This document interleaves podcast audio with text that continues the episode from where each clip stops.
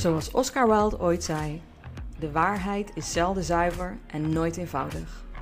Toch komen we in het bedrijfsleven en in de samenleving veel heilige huisjes als ontastbare waarheden tegen. Waarom lukt het niet om uit de dogma's van die heilige huisjes te treden? Directieadviseur en organisatiefilosoof Sia Atteredian bespreekt in elke aflevering zo'n heilig huisje en zet dit in een ander licht. Kan het toch anders? Hallo allemaal, zijn we weer in seizoen 3 met een gast die ik uh, opnieuw heb teruggevraagd. En dat doe ik meestal niet zomaar, dus ook in dit geval niet. Uh, Wouter ten Haven. Wouter is hoogleraar aan de Vrije Universiteit, uh, partner bij Ten Haven Change Management Adviesbureau. En eigenlijk is hij ook gewoon veranderkundig adviseur. Dag Wouter. Goedemiddag.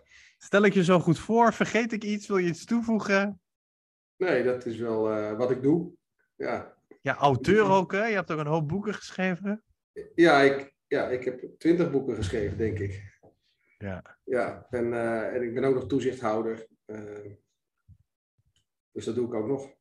Maar en, en wat ik vooral elke dag doe, is bezig zijn met uh, vraagstukken rondom verandering. Ja, en dan redelijk science-based. Mag ik dat zo zeggen? Of in ieder geval een poging toe tot? Ja. Ja, ik denk dat dat ook een van de grote bewegingen is die je in allerlei vakgebieden ziet, maar ook in ons vakgebied. Dat uh, evidence-based werken, zoals dat mooi heet, uh, eigenlijk steeds betere plek uh, krijgt, ook in ons vakgebied. En dat is nodig ook, uh, omdat er nogal wat afgehobbied wordt, zou ik zeggen. Dus, Laten we het daar ook straks even over hebben. Ja. Mensen die, die, die afgroeien. Ik had het trouwens. ehm, Volgens mij was dat op de WhatsApp over ons allereerste gesprek, refereerde ik naar. Weet jij dan welk gesprek ik bedoel? Ja, dat denk ik wel. Dat was telefonisch, hè? Dat was ja, niet, ik bedoel, ja, ja oké. Okay. Ik vroeg me dat, de schoot me nu te binnen, misschien niet iets voor halverwege in de uitzending, maar ik vroeg me dat gewoon, uh, ja. vroeg me dat af. En Wouter, jouw, jouw heilig huisje, dus waar je vandaag tegenaan wilt trappen, is cultuur doet alles, mensen doen niets. Daar ben je dus absoluut niet mee eens, hè? maar dat heb je als heilig huisje gekozen. Leg uit. Nou, uh, zoals ik al zei, uh, wij begeleiden veel uh, veranderprocessen vanuit het werk wat ik doe. Ik doe veel onderzoeken naar verandering, veranderprocessen in organisaties. En ehm, ja, wat zeg maar een heel hardnekkig fenomeen is, is dat in organisaties allerlei problemen en vraagstukken worden toegeschreven aan de cultuur. En dat is uh, eigenlijk niet meer uh, weg te denken in, uh, in organisaties, in, in kranten. Dus nou ja, we lezen over angstcultuur, bonuscultuur, bestuurscultuur, lerende cultuur. alsof het iets is wat iets doet.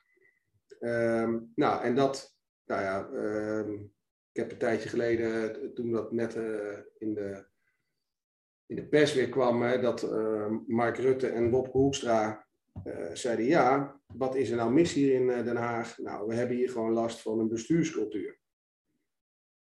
Ja, en toen heb ik samen met Steef Den Haven en Ernst Gramans heb ik, daar een opinieartikel over geschreven. En eigenlijk gezegd: Kijk, als mensen al in die termen beginnen te praten, dan weet je zeker dat er niks gaat veranderen. Want het gaat natuurlijk niet over. Ehm, de bestuurscultuur. Het gaat over het gedrag uh, wat Wopke Hoekstra en Mark Rutte vertonen. Uh, en hoe anderen daarop reageren en vervolgens uh, wordt daarmee een cultuur gemaakt. maar die cultuur als zodanig, die doet niks. Ja, en dat is, uh, er is inmiddels best wel veel over gepubliceerd, maar ja, het blijft hardnekkig. Ik kreeg nou, echt toevallig jij zei dat je iets later was voor dit gesprek. Uh, en ik ben bij ons kantoor en ik zie het, uh, het tijdschrift MNO. Uh, nou, het heeft een uitgave omdat ze 75 jaar bestaan. Nou, en ik blader eens even door. Ik dacht, oh, dat is leuk. En nou, vervolgens nou, is één artikel dat heet 20 jaar cultuurverandering. Ik dacht, nou, dat is interessant. En nou, vervolgens, ja, is echt waar ik, ik plastic er net afgehaald.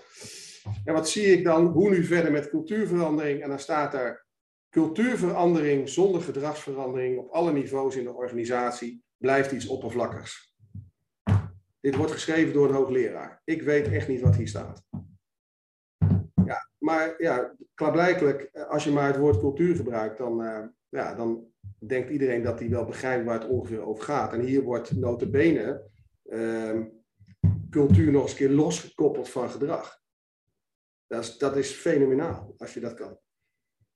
Ik, ik, ga, ik ga hem samen met je proberen te, te ontleden. Want ik, ik refereerde naar, dat, naar ons eerste gesprek, omdat we ook redelijk ver uit elkaar begonnen. Hè? Jij had het over evidence-based, ik had het over uh, de fundering van gedachtegangen en de filosofie daarachter. Maar aan het einde van dat gesprek eindigden we eigenlijk redelijk uh, op dezelfde pagina, als ik het zo Zeker. mag formuleren. Ja. Dus ik, dus ik ga ook mijn best doen om dit, om dit te om dit te ontleden. Eigenlijk zeg je als de cultuur wordt genoemd of benoemd, vooral in de, in de context van Den Haag, dat is eigenlijk ook een manier om je verantwoordelijkheid te ontlopen. Want dan zeg je ja, het is iets intangibles, het is iets ongrijpbaars. Het gaat in ieder geval niet over mij en al helemaal niet over mijn gedrag. Is dat wat je aan het zeggen bent? Ja, het is een abstractie. Het is een abstractie, terwijl je zou kunnen zeggen, ik, uh, ja, ik zeg ook altijd tijdens de notulen van uh, laten we dingen niet opschrijven. Of ik, ik heb er niet echt een uh, goede herinneringen aan. En dat is gewoon mijn eigen gedrag. Dat is niet per se nee. cultuur. En zo kan ik ook anderen op hun gedrag aanspreken. In plaats van te zeggen het gaat om de abstractie cultuur. Ja, dus, dus je, je hebt uh, Shine, dat is wat mij betreft een van de grootste denkers en schrijvers, Edgar Schein, op het gebied van cultuur. En die zegt ja, waarom moet je beginnen met iets groots als uh, cultuur? Um, welk probleem is er? Wie doet daarin wat? En begin daar nu eens mee uh, te werken. Ja. Uh, dat is een hele simpele aanwijzing van iemand die daar ongelooflijk veel over heeft gelezen en gepubliceerd. En kijk, en wat je, wat je natuurlijk ziet is, het lastige is, hè, je hebt een, een Voestemans en Verheggen, die hebben mooie dingen geschreven over cultuur. Um, Ernst Schamans heeft ook voortgebouwd op werk uh, van hen. Um, en ik heb wel een gesprek gehad met Theo Verheggen, die op een gegeven moment ook als wetenschapper zo het beu was dat hij dacht, ja, ik, ik stop er maar mee, want ja, het leidt tot niks op deze manier. Maar die heeft een proefschrift geschreven, hij is cultuurpsycholoog, en dat, dat proefschrift heet Cultuur al delete. Omdat hij zei, het voegt helemaal niks toe. Alleen, weet je wat het probleem is? En dat, daarom is het interessant dat wij het er denk ik ook over hebben. Het is natuurlijk een ingeburgerde term in, um, uh, in organisaties. En wat er dan gebeurt, uh, ik zei, uh, en Verheg, die zeggen ook, ja, eigenlijk, ehm, je hebt gewoon oneigenlijk gebruik hè, van, van cultuur om gedrag van bepaalde groepen te verklaren. En te verklaren tussen aanhalingstekens. En nou, dat begint eigenlijk hè, met cultuur als metafoor. Ja, dus dan, zeg je bijvoorbeeld, ja, we hebben te maken met uh, botsende bedrijfsculturen. Nou, en dat is dan, uh, dat klinkt intuïtief heel aantrekkelijk. Hè? En, uh, maar het wordt dan, het wordt dan gebruikt als een verklaring.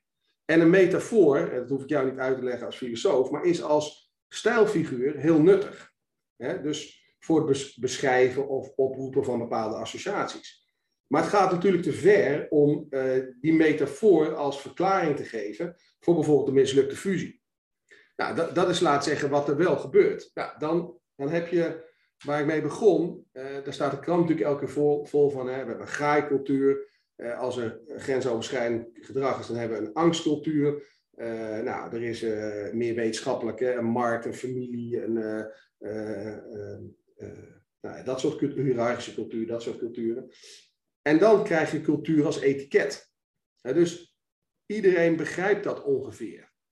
En wederom, ehm, als je zegt er is hier een hiërarchische cultuur, ja, dat is, daar kan je best, kunnen jij en ik eh, elkaar best op informeren. als jij zegt, hoe is die? Nou, het is hier nogal een beetje een familieachtige cultuur. Daar heb jij wel een beeld bij. Maar nog steeds is dat een vorm van verklaren, uh, niet van verklaren, maar van beschrijven. En wat je eigenlijk krijgt, is dat het risico van, van dit soort generalisaties leidt er dan toe dat, dat, eigenlijk uh, je de, de, de, individuele verschillen van mensen uit het oog verliest. dus het, dat is geen cultuuranalyse die je dan aan het maken bent, maar dat is gewoon stereotypering.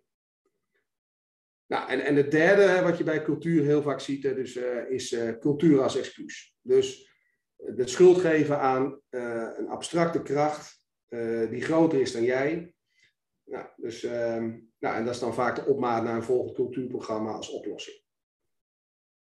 En als je wil weten hoe het echt zit, dan moet je onderzoeken waar gedrag vandaan komt. Dat is eigenlijk de oproep.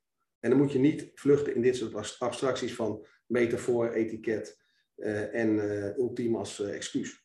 Ja, ja, ik kan het verhaal op zich, hè, als cultuurveranderkundige, kan ik het verhaal eigenlijk heel goed volgen. En er zit ook heel veel nuance in wat je vertelt. Hè? Maar ja. ik, ik, ik, zie ook wel de ergernis als je die magazine opent en je ziet zeg maar iets staan. Dus, dus ik ben ook wel benieuwd om dat samen ja uit te pakken. Dus de essentie van wat je zegt, het is geen verklaring voor iets, het is meer beschrijvend. Of Zeker. het wordt nog eens misbruikt als ja. excuus, of dat je stereotyperend bezig bent en individuele verschillen niet, niet erkent. Ja.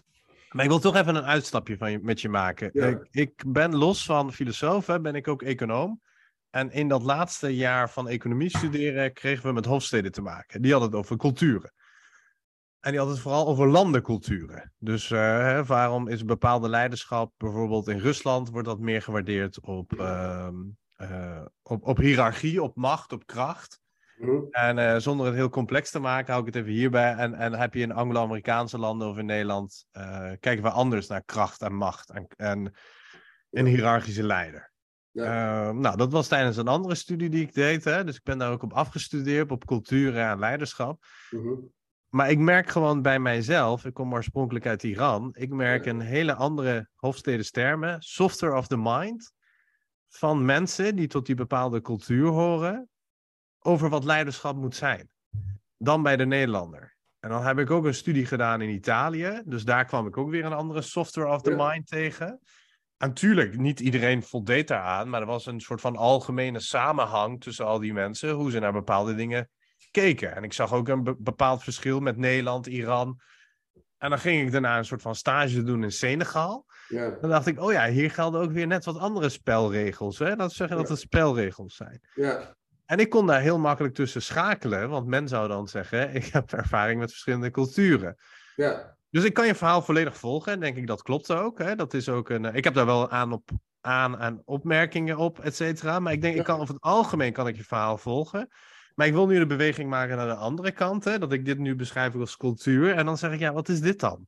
Nou ja, maar hier zitten ook een paar dingen in. Ik heb ook economie gestudeerd en ook eh, kreeg Hofstede gedoseerd, eh, natuurlijk. Een tijd geleden is er een artikel verschenen dat eh, heet Hofstede Never Studied Culture. Ehm, en ook wat je ziet is dat bijvoorbeeld zo iemand als Shine zegt van ja, je moet heel voorzichtig zijn met, met dit soort data, hè, die je dan optelt en vervolgens kom je tot eigenlijk ook weer typeringen. En Hofstede schrijft bijvoorbeeld ook ergens, ik had dus voorbereid naar dit gesprek eh, in 1980, hij is overigens een, de, een van de meest geciteerde Nederlandse wetenschappers. Hè? Ja. Maar hij, hij heeft het over de collectieve programmering van de geest. Ja, software of the mind. Ja, die, die, die le- leden van de ene groep onderscheiden van de andere. Ja, weet je, dat is alsof mensen te programmeren zijn. Ja, dat, dat is zo in een dictatuur. Maar wat er, dat, wat er gebeurt, is, wat jij beschrijft, is mensen die stemmen hun gedrag en aandacht continu op elkaar af. En eh, nou, jij, jij hebt het ook vaak over betekenissen. En betekenis, die komen tot stand tussen mensen. En zijn altijd sociaal en intrinsiek sociaal. In een, in een intrinsieke sociale groep. Daar Mhm. gebeurt dit. En Ja. zo ontstaat natuurlijk, hè, ehm, natuurlijk een, eh, patronen die anders zijn. Maar dat Ik, had bijna verwacht dat je nu ging zeggen, zo ontstaat cultuur. Maar zo ontstaat Nou, patronen. zo ontstaat cultuur, maar dan niet door een programmering van iemands brein. Want dat bestaat, er zit geen cultuurmodule in je hoofd. Die zit er helemaal niet. Weet je, dus dat is de misvatting, hè, dat dat soort termen ook worden gebruikt voor eh, cultuur. Nee, dat het wordt misbruikt en gebruikt en zo ben ik het met je eens. Maar ik probeer wel helder te krijgen van wat ik nu omschrijf. Ja, Als, eh, ik ben dan in Italië, in Senegal, in Iran en in Nederland. Ja. Ik merk, oh ja, er zijn grote verschillen tussen hoe we hier omgaan met leiderschap. Ja. En tussen die landen, tussen die contexten. En er zijn ook onderling grote overeenkomsten. Wat is Zeker. dat dan? nou ja, dus je kan niet zeggen er is een cultuur hè, in eh, Italië en ja, want iedereen heeft er wel in beeld. Ja, in Italië gaan ze minder los om, uh, of losser om met, met afspraken dan in Nederland. Ja, ja zo. bijvoorbeeld. Ja, dat is interessant. Maar dat is gewoon, hè, wat je ziet, is dat zij zijn uh, een groep met elkaar, in dit geval een, een land, en ze, zij stemmen gedrag op elkaar af. Dus op het moment dat jij ergens komt en je zegt, uh, dat zie je ook als je in Italië bent, hè, ik ben daar ook wel eens, uh, en dan, ja, dan zeggen ze, ja, we komen begin van de middag komen we je, je verwarming maken. Ja, en dan komen zij gewoon om half vijf. En dan, dat vind jij niet het begin van de middag. Maar ja, zij, ze, ze komen niet binnen en zeggen dan, ja, sorry dat ik te laat ben. Nee, ze beginnen gewoon met hun werk. Ja, en klaarblijkelijk doet iedereen dat daar. Ja, dus als jij daarin wilt functioneren, dan pas je je daarop aan. Dus ga je op een gegeven moment denken, ja, dat is dus klaarblijkelijk de norm hier. Nou, um, Vervolgens is dat een afspraak eh, of, een, of een conventie, een, een ongeschreven regel. Dat uh, begin van de middag kan ook half vijf zijn. Um, nou, en zo uh, ontstaat, word je onderdeel van zo'n intrinsieke sociale groep. Ja, maar dat, dat wat jij nu omschrijft, hè, ja? is letterlijk hoe ik cultuur omschrijf. Ja. En dan denk ik, en dan, ik heb even meegeschreven, even, ik, ik kan ook mijn eigen taal aanhouden, maar even jouw taal, hè, dat is misschien ook handiger afstemming van gedrag ja. op een bepaalde conventie of norm. Ja. En dan zeg ik ook vaak, in het verleden is daar of successen mee geboekt. Eh, op de een of andere manier heb je of een tik of een wortel gekregen. Zo werkt het hier. Ja, zeker. En dan ontstaan bepaalde patronen rondom die norm. En dan noemen we dan de ongeschreven regels. Dit is hoe ik een cultuur omschrijf. Ja, nee, maar ik bedoel, cultuur bestaat ook wel, als, maar het doet niks.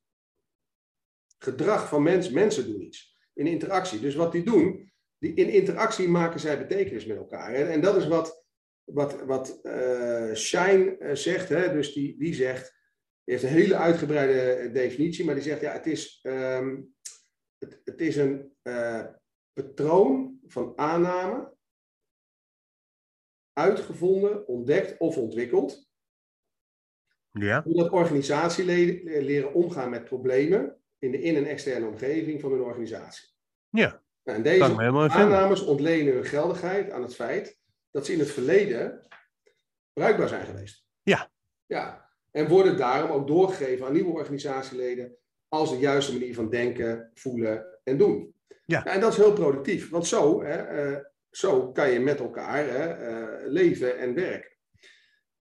Punt is dat als je dan vervolgens gaat zeggen, dus, dus, dat is wat, dat, dan ontstaat, zou je kunnen zeggen, want ik ben niet tegen cultuur, dat is ook wat ik tegen wetenschap zeg. Je moet niet gaan zeggen, ja, cultuur bestaat niet of dat heeft geen zin, want dat is er gewoon. Maar je kan dus zeggen, zo ontstaat een cultuur. Maar het is mhm. geen abstractie. En dat is gewoon het punt. Dat, je, dat mensen erover gaan praten als een soort abstractie. En dus dat ze de cultuur gaan uh, veranderen. En dan heb je, ja, wat, wat je dan ook in de, in de literatuur noemt, dat is gewoon reificatie. Je gaat doen alsof cultuur als zelfstandig uh, element iets doet. En daarna helemaal grappig, hè? Dus als uh, ik vanmiddag dan zo'n zo'n zo'n zin lees, ja, dat uh, cultuurverandering geen zin heeft als er ook niet aan gedrag. Nee, maar weet je, gedrag leidt tot cultuur. En cultuur leidt niet tot gedrag. En dan kan je zeggen, nee, maar ja, als mensen, dus je hebt, ik laat ook eens van die filmpjes zien. En dan zie je dat experiment in die wachtkamer. Ja.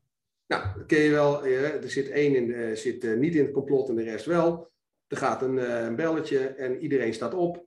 En diegene kijkt zo, wat is hier aan de hand? En die staat ook op, uiteindelijk. De eerste keer niet, maar de tweede keer wel. Nou, en vervolgens doet ze dat elke keer op het moment dat de mensen opstaan. Dan gaan al die mensen naar een afspraak, zogenaamde afspraak bij de, uit die wachtkamer. En de, de, de zit ze in de eentje, gaat het belletje, staat ze op, komt er een nieuw iemand bij. En uiteindelijk zitten daar gewoon vijf mensen die niet weten waarom ze opstaan bij dat belletje. Ja, dan kan je natuurlijk zeggen, dat is de cultuur hier. Ja, dat is een patroon wat overgenomen wordt. En ja, klaarblijkelijk stellen mensen zich geen vragen meer. En dat is nou, confirmation bias, zou je kunnen zeggen. Mensen willen graag bij zijn groep horen en denken, nou, om hierbij te horen ga ik dit maar doen. Maar het interessante is dat, uh, kijk, dat is natuurlijk de, de setting van een experiment. Op het moment dat zo iemand naar huis gaat, en die zegt tegen bijvoorbeeld zijn partner: Joh, ik was vanmiddag bij de, bij de dokter in die wachtkamer. Ja, er ging een belletje. En dan gingen we opstaan. Gingen al die mensen opstaan. Ja, oh, wat heb jij toen gedaan? Nou, dan ging ik ook maar opstaan. En dan gaat iemand zeggen: Maar waarom, waarom ga je opstaan als dat belletje gaat? Wat is daarvan de functie? Ja, dat weet ik eigenlijk niet. Maar waarom deed je het dan? Ja, omdat ik me anders ongemakkelijk zou voelen. Oké, nou, dat kan, hè, dat kan een verklaring zijn. Maar je, je begint dan ook wel te denken, denk je, ja, het is eigenlijk raar dat ik niet gewoon een vraag heb gesteld van wat is hier de functie?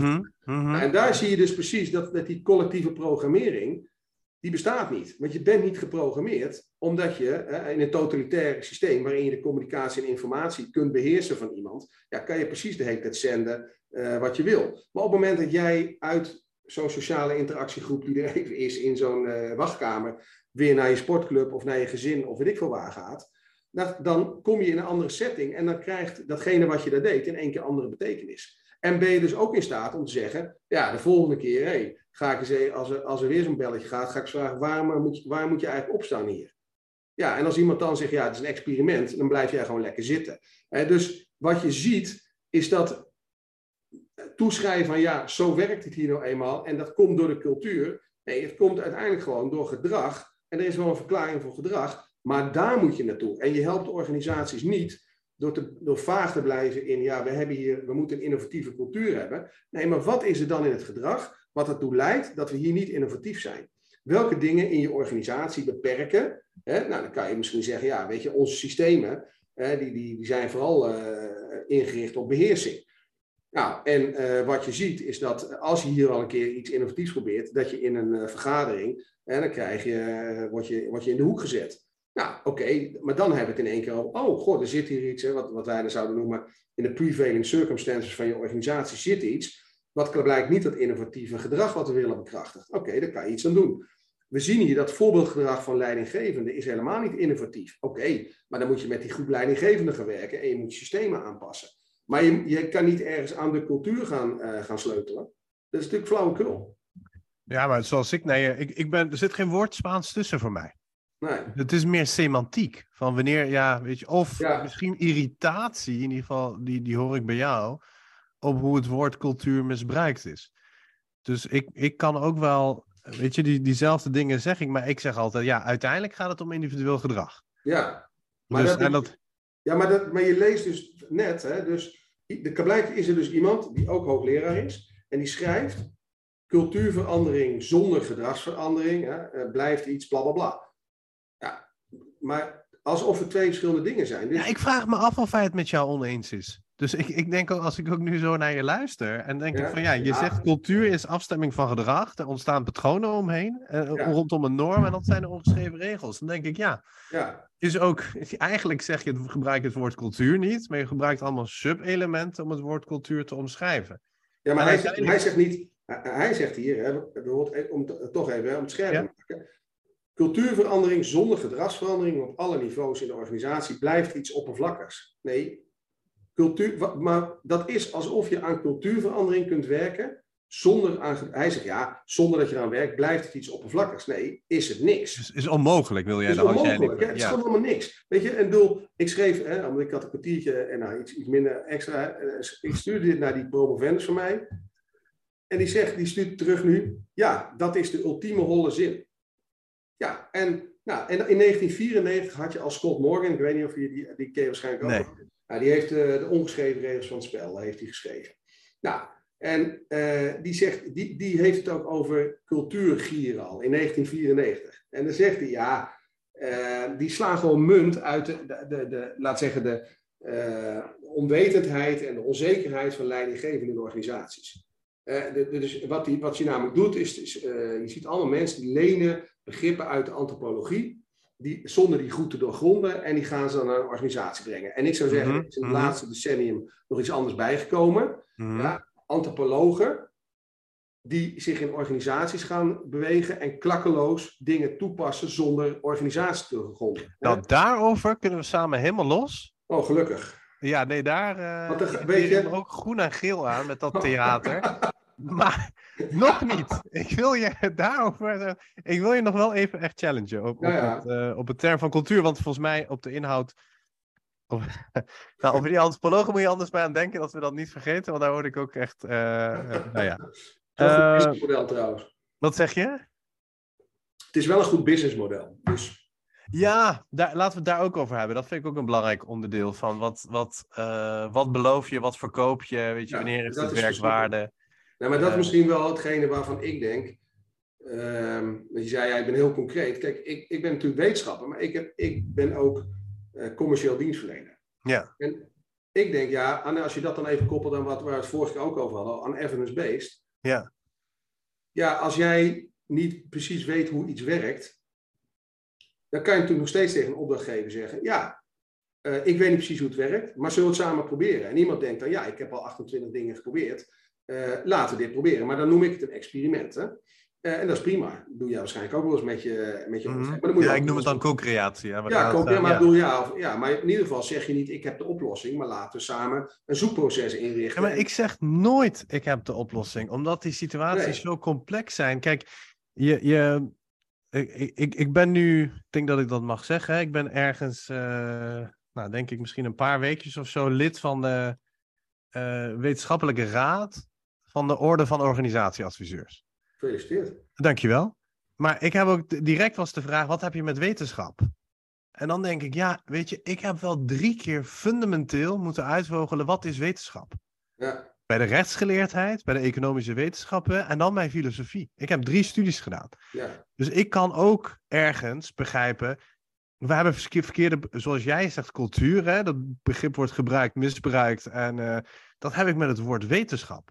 Weet je, als we het over wetenschap hebben en we komen weer een of andere onderzoekje, is het best belangrijk om te weten dat het onderzoek bij, uh, uh, die, die plotten we dan op 90% van de bevolking en 90% van het literatuuronderzoek gaat daarover. Dat is bij 10% van de bevolking gedaan, studenten in westerse landen. Ja.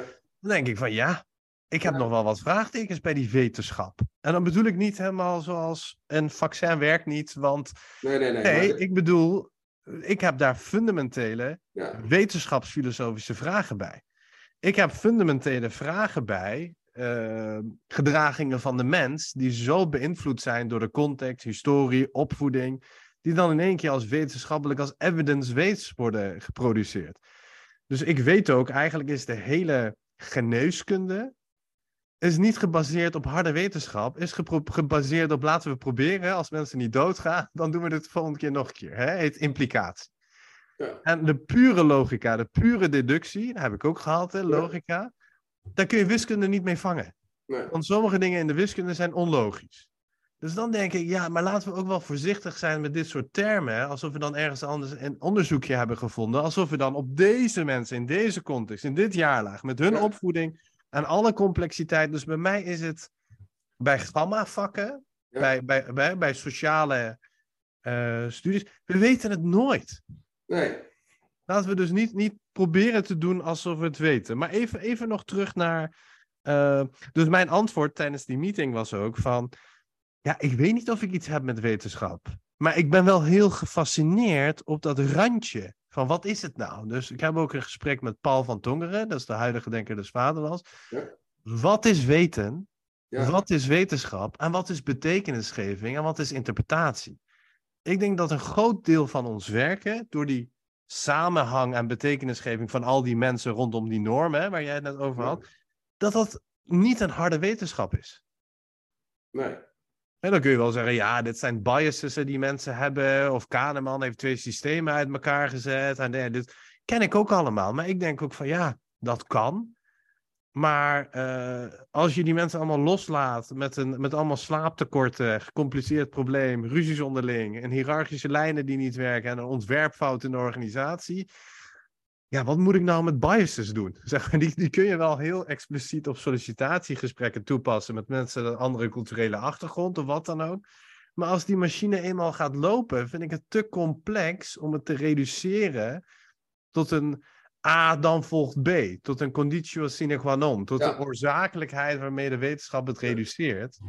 En dat is ook wel... Bias. Zo'n onderwerp als bias is, vind ik, wij hebben recent eh, daar groot onderzoek naar gedaan. Een boek, eh, gepubliceerd bij Routledge over eh, biases. En eh, er zijn er ongeveer 200 als je, als je googelt. Dat, blijkt er 100 overlappende concepten te zijn. Blijven er 100 over en dan zijn er ongeveer 29 die goed onderzocht zijn. Eh, en kijk, ik denk, eh, da- daar heb je alweer zo'n misvatting. Dat mensen denken, ja, ik ben niet biased. Nee, maar de, de blind spot of de meta-bias is dat iedereen biased is.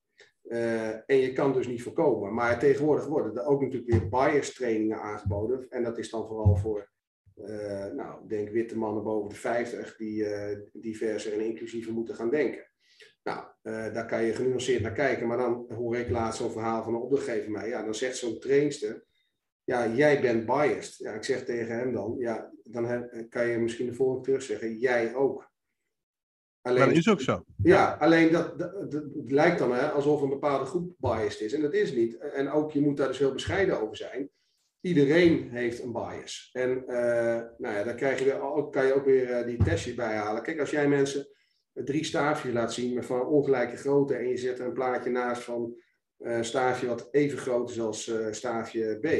En vervolgens heb je vijf mensen in experiment en die zeggen allemaal, nee, het is A ja, dan blijkt toch dat 68% van de mensen die dan nadat die vijf hebben geantwoord moet antwoorden, toch zeggen het is A. Ja, en iedereen vindt van zichzelf dat hij ongelooflijk onafhankelijk denker is. Nou, wat je volgens ziet is niet zozeer, bestaat het niet? Ja, het is er dus al. Maar hoe zou je ermee om kunnen gaan? Ja, door, je ziet bijvoorbeeld als er één van die vijf mensen dan zegt, nee, het is toch gewoon B, dan gaat dat percentage al bijna met de helft naar beneden. En dan durven mensen zich erbij wel uitspreken, want dan is er een medestander. Ja, dus dat soort dingen kun je ook in veranderprocessen, in besluitvormingsprocessen, denk ik heel mooi in plek geven. Maar jouw punt van wat is wetenschap? Kijk, dat is een ander punt. Ja, het is onderzocht. Ja, wij leren onze studenten hè, met, uh, die evidence-based uh, moeten leren werken. Ja, je moet eerst eens een critical appraisal doen op allerlei wetenschappelijke onderzoeken. Dus ja, wat is dit? Is dat een meta-analyse? Is dit een case study met NS1? Wat is de effect size? Ja, en heel vaak ja, uit wetenschappelijk onderzoek blijkt. En dan denk ik, ja, dat is iemand die is gepro zelfs gepromoveerd, maar op zes case studies. Nou, dan kom je terug op wat jij zegt. Ja, daar moet je dus heel voorzichtig mee zijn. Want het gaat natuurlijk altijd over context, context, context. Ja, en als jij maar blijft roepen, nee, maar dit heeft heel goed gewerkt bij Shell. Maar je werkt nu in een academisch ziekenhuis. Ja, fijn voor je. Maar als jij dat elke vergadering roept, moet je weer lekker bij Shell gaan werken. Je moet je verdiepen in ja, wat gebeurt hier nou concreet. En, wat, en, en dat is het andere. Dus ik roep ook op, en ik denk dat jij het daarmee eens bent, maar je moet specifiek kijken naar wat er concreet tussen mensen gebeurt. In plaats van gedrag te duiden met ja, dat is nou eenmaal die professionele cultuur hier. Nee, wat gebeurt hier nu? Nee, ik ben het volledig met je eens dat dat smoesje, cultuur als smoesje niet werkte. Maar ik wil even. Nee, maar daar krijg ik als laatste misschien nog aan toe. Want dan krijg je dus ook dat mensen zeggen: we gaan hier de cultuur meten. Ja, nou, Shine zal zeggen: je kunt cultuur niet meten. Uh, je, meet, je meet geen cultuur, maar er wordt natuurlijk massaal worden cultuurmetingen gedaan. En wat er dan eens keer gebeurt, dan worden in sommige rapportages staat er, we hebben hier een best practice van een cultuurmeting. We hebben dwars door de organisatie de cultuur gemeten. Als we één ding weten, en waar wij het over hadden, is dat cultuur ontstaat hè, door betekenisgeving in een uh, intrinsieke sociale groep. Als jij iemand van de administratie nooit ziet, die alleen maar zorgt dat jouw salaris wordt overgemaakt elke maand, beïnvloed je zijn of haar gedrag niet. Nee, maar we gaan wel aan iedereen vragen: hoe vind jij de cultuur hier? Tellen we op en dan komt er zo'n etiket uit. En dat zijn we dan met elkaar. Ja, dat, weet je, dat is ook een fout die heel vaak gemaakt wordt. Ze meten geen sociale interactiegroepen, intrinsieke groepen, maar ze, ze meten aggregaatgroepen. Ja, dus alle mannen boven de 50 uh, met een kaal hoofd. Ja, oké, okay, daar kan je leuk beleid op maken. Hè? Als, je, als je zegt, ja, je moet uitkijken in de zomer en uh, een petje opdoen of je hoofd uh, insmeren. Maar die beïnvloeden elkaars gedrag echt niet. Maar je kunt er wel beleid op maken. Maar je moet, als je dat in een organisatie gaat toepassen bij een onderwerp als cultuur, komen er hele gekke dingen uit. Is onze, eh, jouw ergernis, maar ik ga nu zelf meedoen, is onze ergernis, en dat is een oprechte vraag, hè? want we hadden het heilige huisje, uh, cultuur doet niets, uh, of uh, cultuur doet alles, mensen doen niets. Hè? Hm. En nu zijn we even in gesprek en dat is de vraag die heel oprecht bij mij opkomt, is is de ergernis, zit dat niet in de oppervlakkigheid van ons vakgebied? Ja. Dus, dus we hebben nu over een aantal dingen gehad. Hè? Ik zit even te twijfelen, moet ik daarop teruggrijpen? Ga ik je daarop challengen? Maar ik zit gewoon naar je te luisteren en dan denk ik van ja, eigenlijk omschrijf je nu gewoon cultuur helder en duidelijk. Maar je zegt ook ja, dat is er. En tegelijkertijd zeg je ja, maar misbruik dat niet. Hè. Het gaat uiteindelijk om concreet gedrag in een bepaalde context. En dan willen we de hefbomen ontdekken, dan moeten we daar aan gaan draaien. Ja. Maar we hadden het even over de rond de vuur springende antropologen gehad, et cetera. En dan denk ik, ja, is oprechte vraag. Hè? Moeten we het niet hebben, gaan hebben nu? Anders gaan we weer terug naar je heilige huisje. Dus het is even interactief. Moeten we het niet gaan hebben over het oppervlakkigheid in het vakgebied? Is het daar niet de echte ergernis? Ja, ook ja. En daar is, ja, je zou kunnen zeggen, ehm, en het hele gebied met cultuur en, en de, laat zeggen, de antropologische insteek, die overigens ook hè, een aantal hele interessante perspectieven brengt, ook voor ons vakgebied. Maar uh, laat zeggen, het gemak waarmee daarmee ook weer uh, aanpakjes en dingen worden gemaakt, dat heeft te maken met, ook met die oppervlakkigheid. dus ja, we gaan iedereen rond een totempaal neerzetten en iedereen moet om een haardvuur heen zitten, alsof er in het verleden nooit in de organisatiekunde is bedacht uh, dat je gewoon een missie van een organisatie hebt. Ja, alleen dat is dan niet meer modern en dan moeten we in één keer met elkaar een totempaal gaan definiëren. Ja, weet je, mhm, mhm. het is, dat is de oppervlakkigheid en dat is ook wel. Um, nou, laat een ander voorbeeld. Hè. Ehm, er was een, iemand, een student van mij, die, die, die, die moest dan naar een sessie toe. Met een Belgische goeroe, ik heb niet naar de naam gevraagd, maar uh, die ook nog een soort van wetenschappelijkheid uh, claimde. En die ging dan met een groep topmanagers werken. Uh, en ehm, ja, dat ging dan over hun oude en foute gedrag. En aan het eind van die sessie moesten ze letterlijk hè, op een zeepkistje in het midden van de groep gaan staan. En richting de deur hun eigen oude en foute gedrag uitzwaaien. Mm -hmm, Nou, weet je, ik denk dat voor deze interventie echt nul evidence is. Wij weten inmiddels hè, nou, dat als jij gaat werken met mensen en ik ga tegen jou zeggen, nou weet je, jij vertoont echt heel fout gedrag. Hè, wat je nu doet is oud gedrag, dat werkt helemaal niet. Want jouw gedrag is ontstaan omdat dat een bepaalde mate van succes gaf. En oké, we hebben het over organisatieverandering. Dus klaarblijkelijk is willen we in de nieuwe fase van de organisatie ander gedrag. Maar wat mhm. je deed was, was niet fout. Het was niet oud. Ja, het was gewoon heel passend bij de situatie daar.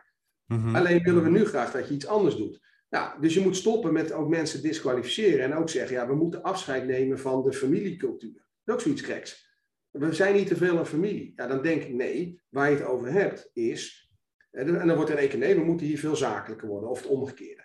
Um, dat, wat wij inmiddels hebben geleerd vanuit onderzoek en werk in de praktijk, is dat het heel goed werkt als je met mensen zegt, nee, maar er zijn een aantal dominante perspectieven in een organisatie. En het kan heel goed zijn dat, dat een organisatie voor een deel functioneert als een familie. Alleen wat mhm. je daar ziet, is dat in een leuke familie, ja, weet ik veel, heb je uh, gezellige verjaardagen, helpen ze je bij de verhuizing, ga je misschien samen op vakantie. Um, maar de doorschieten daarvan kan zijn dat dingen gemaskeerd worden onder, onder de tafel worden geschoven, niet meer benoemd worden. Ah, oh, daar hebben we het over. Dus klaarblijkelijk zeggen we niet, we zwaaien onze familie uit. Nee, maar we willen niet meer dat ome Wim, die na drie borrels uh, foute grappen begint te vertellen, dat hij dat doet. Ja. Maar geen afscheid neemt. En dat is volgens mij precies de nuance waar het over gaat. en mhm, dat mhm. maakt, wat jij zegt, die oppervlakkigheid, het niet echt willen begrijpen. En ook niet uh, altijd zeg maar, geïnteresseerd zijn in wat is nou echt het effect van deze interventie. Uh, en als je al zegt, dat weet ik niet precies, en dat kan heel goed, maar dan hebben we het over productieve twijfel, en dan heb je het over co-creëren, en dan heb je het over een zoekproces, dat is prima, want daar kan je uh, organisatie en, opdrachtgevers heel erg mee helpen. Maar suggereren dat jij de oplossing hebt voor het cultuurprobleem en een vragenlijstje en dan vervolgens een etiket opplakken, uh, of een rondje rond de totempaal en nou ja, noem alles maar op, hè, dat, is gewoon, dat is gewoon een verkeerd businessmodel. Zeg je daarmee ook, zeg wat je doet, doe wat je zegt en maak dat zo helder en concreet mogelijk? Ja. En is het dus ook, dan, dan de volgende stap is, kijk, in ons vakgebied zijn er natuurlijk heel veel charlatans. Dat, ik weet niet wat de Nederlandse term daarvoor is, maar... Ja. Uh, vrij beroep, hè? Ja, ja, ja. ja. Um, dat is een jurist trouwens ook, moest ik ook even aan denken. Dat het, maar die, die komen toch wat minder makkelijk met iets weg, omdat het probleem altijd veel tastbaarder is. En hebben tuchtrecht. Nee, dat zijn advocaten, maar jurist is ook een uh, onbeschermd beroep. Maar die, die komen daar wat moeilijker mee weg, omdat ze uiteindelijk toch iets concreets moeten leveren voor, die, voor die cliënt. Dus advocaat beschermt, jurist niet. Is het, uh, is het tegenwoordig een soort van theater geworden of zo voor, uh, voor organisaties en bedrijven. Dat ze weten van ja, we moeten er iets mee. Mensen moeten het ook vooral leuk hebben. Dus we huren een soort van performer in. En de antropologische hoek. Ik ga ook even zeggen wat ze wel goed doen. Maar de antropologische hoek, die doet gewoon een mooie stukje theater. Dus ik zat laatst in zo'n organisatie. En als deelnemer, hè? dus ik zat gewoon in het publiek. Ik werd er wel even uitgeplukt, al wat doe je hier? Maar ik zat gewoon als publiek. En ik zat daar met een, met een kritische collega die, ehm, die, die, nu aan het, eh, die op dat moment aan het afstuderen was. Dus die was ook allerlei theorieën aan het bekijken. Hij, hij werkte al en werkte ook op hoog niveau, maar hij was uh, een soort van studieveranderkunde of zo aan het doen. Echt, echt een mast. En hij, ja, ik kan het nu erbij zoeken, maar hij had het over een theorie dat eigenlijk interactie theater is. Dus dat je uh, voor, voor de voorstelling hebt, hè, dat is voor de vergadering, dat je zegt, ja, en dan heb je de voorstelling, zit iedereen in die rol. Misschien in de pauze ga je, dan, ga, ga, ga je dan met backstage en dan heb je het echte gesprek. En ik zat daar met hem naar dat, uh, nou, toch echt theater te kijken. Mooie sheets, mooie filmpjes en een soort van flow. En er werd zelfs op een gegeven moment naar Iraniërs en Iraanse uh, uh, tapijthandelaren verwezen. Ik dacht, dit verhaal ken ik helemaal niet. Hè? Ik denk, misschien ligt het aan mijn leeftijd. Ik vroeg het aan mijn moeder. Mijn moeder zei, dit verhaal ken ik ook helemaal niet. Dus een soort van ja. Geïdealiseerd beeld wat, een, wat cultuur en tapijtenverkopers doen, wat helemaal niet bestaat, zover ik weet. Hè? En ik kom uit die cultuur en mijn moeder ook. Maar dat een, dat een hele prachtige flow, ja. zoals een theatervoorstelling. Van je ja. wordt meegenomen, het is spannend, je houdt je adem in. En, uh, en ik, ik draaide op een gegeven moment om. Ik, die vriend vroeg, of die collega vroeg, wat vond je ervan? Ik zei, ja, ik vond het niks, maar ik weet niet waarom. Hij zei, dit is gewoon theater. Dit is nu theater voor uh, het bedrijfsleven. Ja. En er zit natuurlijk ook heel veel geld in. Dus ik denk dat een, ja, dat een deel van ons, van ons werk theater is geworden. Dat denk ik echt. Maar het, ik, ik vind het wel mooi als we een nieuwe taal kunnen vinden om iets te duiden wat we niet eerder konden duiden. Dus ik ja. heb vaker nagedacht over. Uh, uh, je kan het aan mijn ex vragen. Ik had het altijd over andere mensen. Want zij had het altijd over andere mensen. Dus of we een huis gingen kopen, moesten we aan andere mensen gaan vragen. Ik zei, ja, maar wie zijn deze mensen? Wij zijn ook gewoon mensen. Kunnen wij het er niet over hebben? Of het ging altijd over andere... Dat was een grapje geworden van ja. andere mensen. Ja. ja, op een gegeven moment kom ik uh, wat werk van Heidegger tegen, waar hij die andere mensen het men noemt. Ja. Das man. En dan Ja. denk ik, hé, hey, godverdomme, dat is wel echt iets waar ik al jaren naar op zoek ben. Maar ik heb de woorden niet gehad. Ja. En dan lees je dat wat verder en dan denk je, nou, hier is wel door nieuwe taal, wordt er Ja. iets nieuws gevangen. Ja, maar taal is natuurlijk, vind ik, in ons vakgebied, hè, eh, en laat ik dat voor mij even eh, tot voor anderen eh, beperken. Ehm, kijk, taal is extreem belangrijk. Hè? Dus Ja. ik zeg ook, eh, modellen, ja, je hebt hele goede en slechte modellen, maar in ieder geval wat het oplevert, is dat je een gemeenschappelijke taal creëert. Ja, precies. Ja, met allerlei doorschieters daarvan, eh, dat ik denk, ja, op een gegeven moment, eh, ja, je kan niet, ik, wij kunnen natuurlijk een testje doen en dan komt eruit dat, dat, dat jij rood bent en ik groen. En dan kan jij de hele tijd tegen mij zeggen, ja, dat begrijp jij natuurlijk niet, want jij bent groen. En dan zeg ik, nee, maar jij begrijpt niet, want jij bent rood.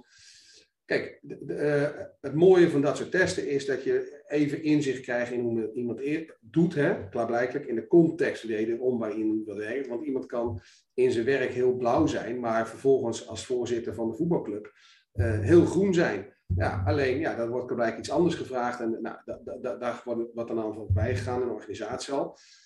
Maar zeg maar taal creëren, dat is natuurlijk, eh, dat, daar begint natuurlijk betekenis geven. En betekenis geven is extreem belangrijk als je wil veranderen. En, en mensen begrijpen, hè, als wij, eh, als, je als je naar de vijf core social motives kijkt van mensen, hè, dat is, ehm, ja, eh, Suzanne Fiske heeft daarover geschreven.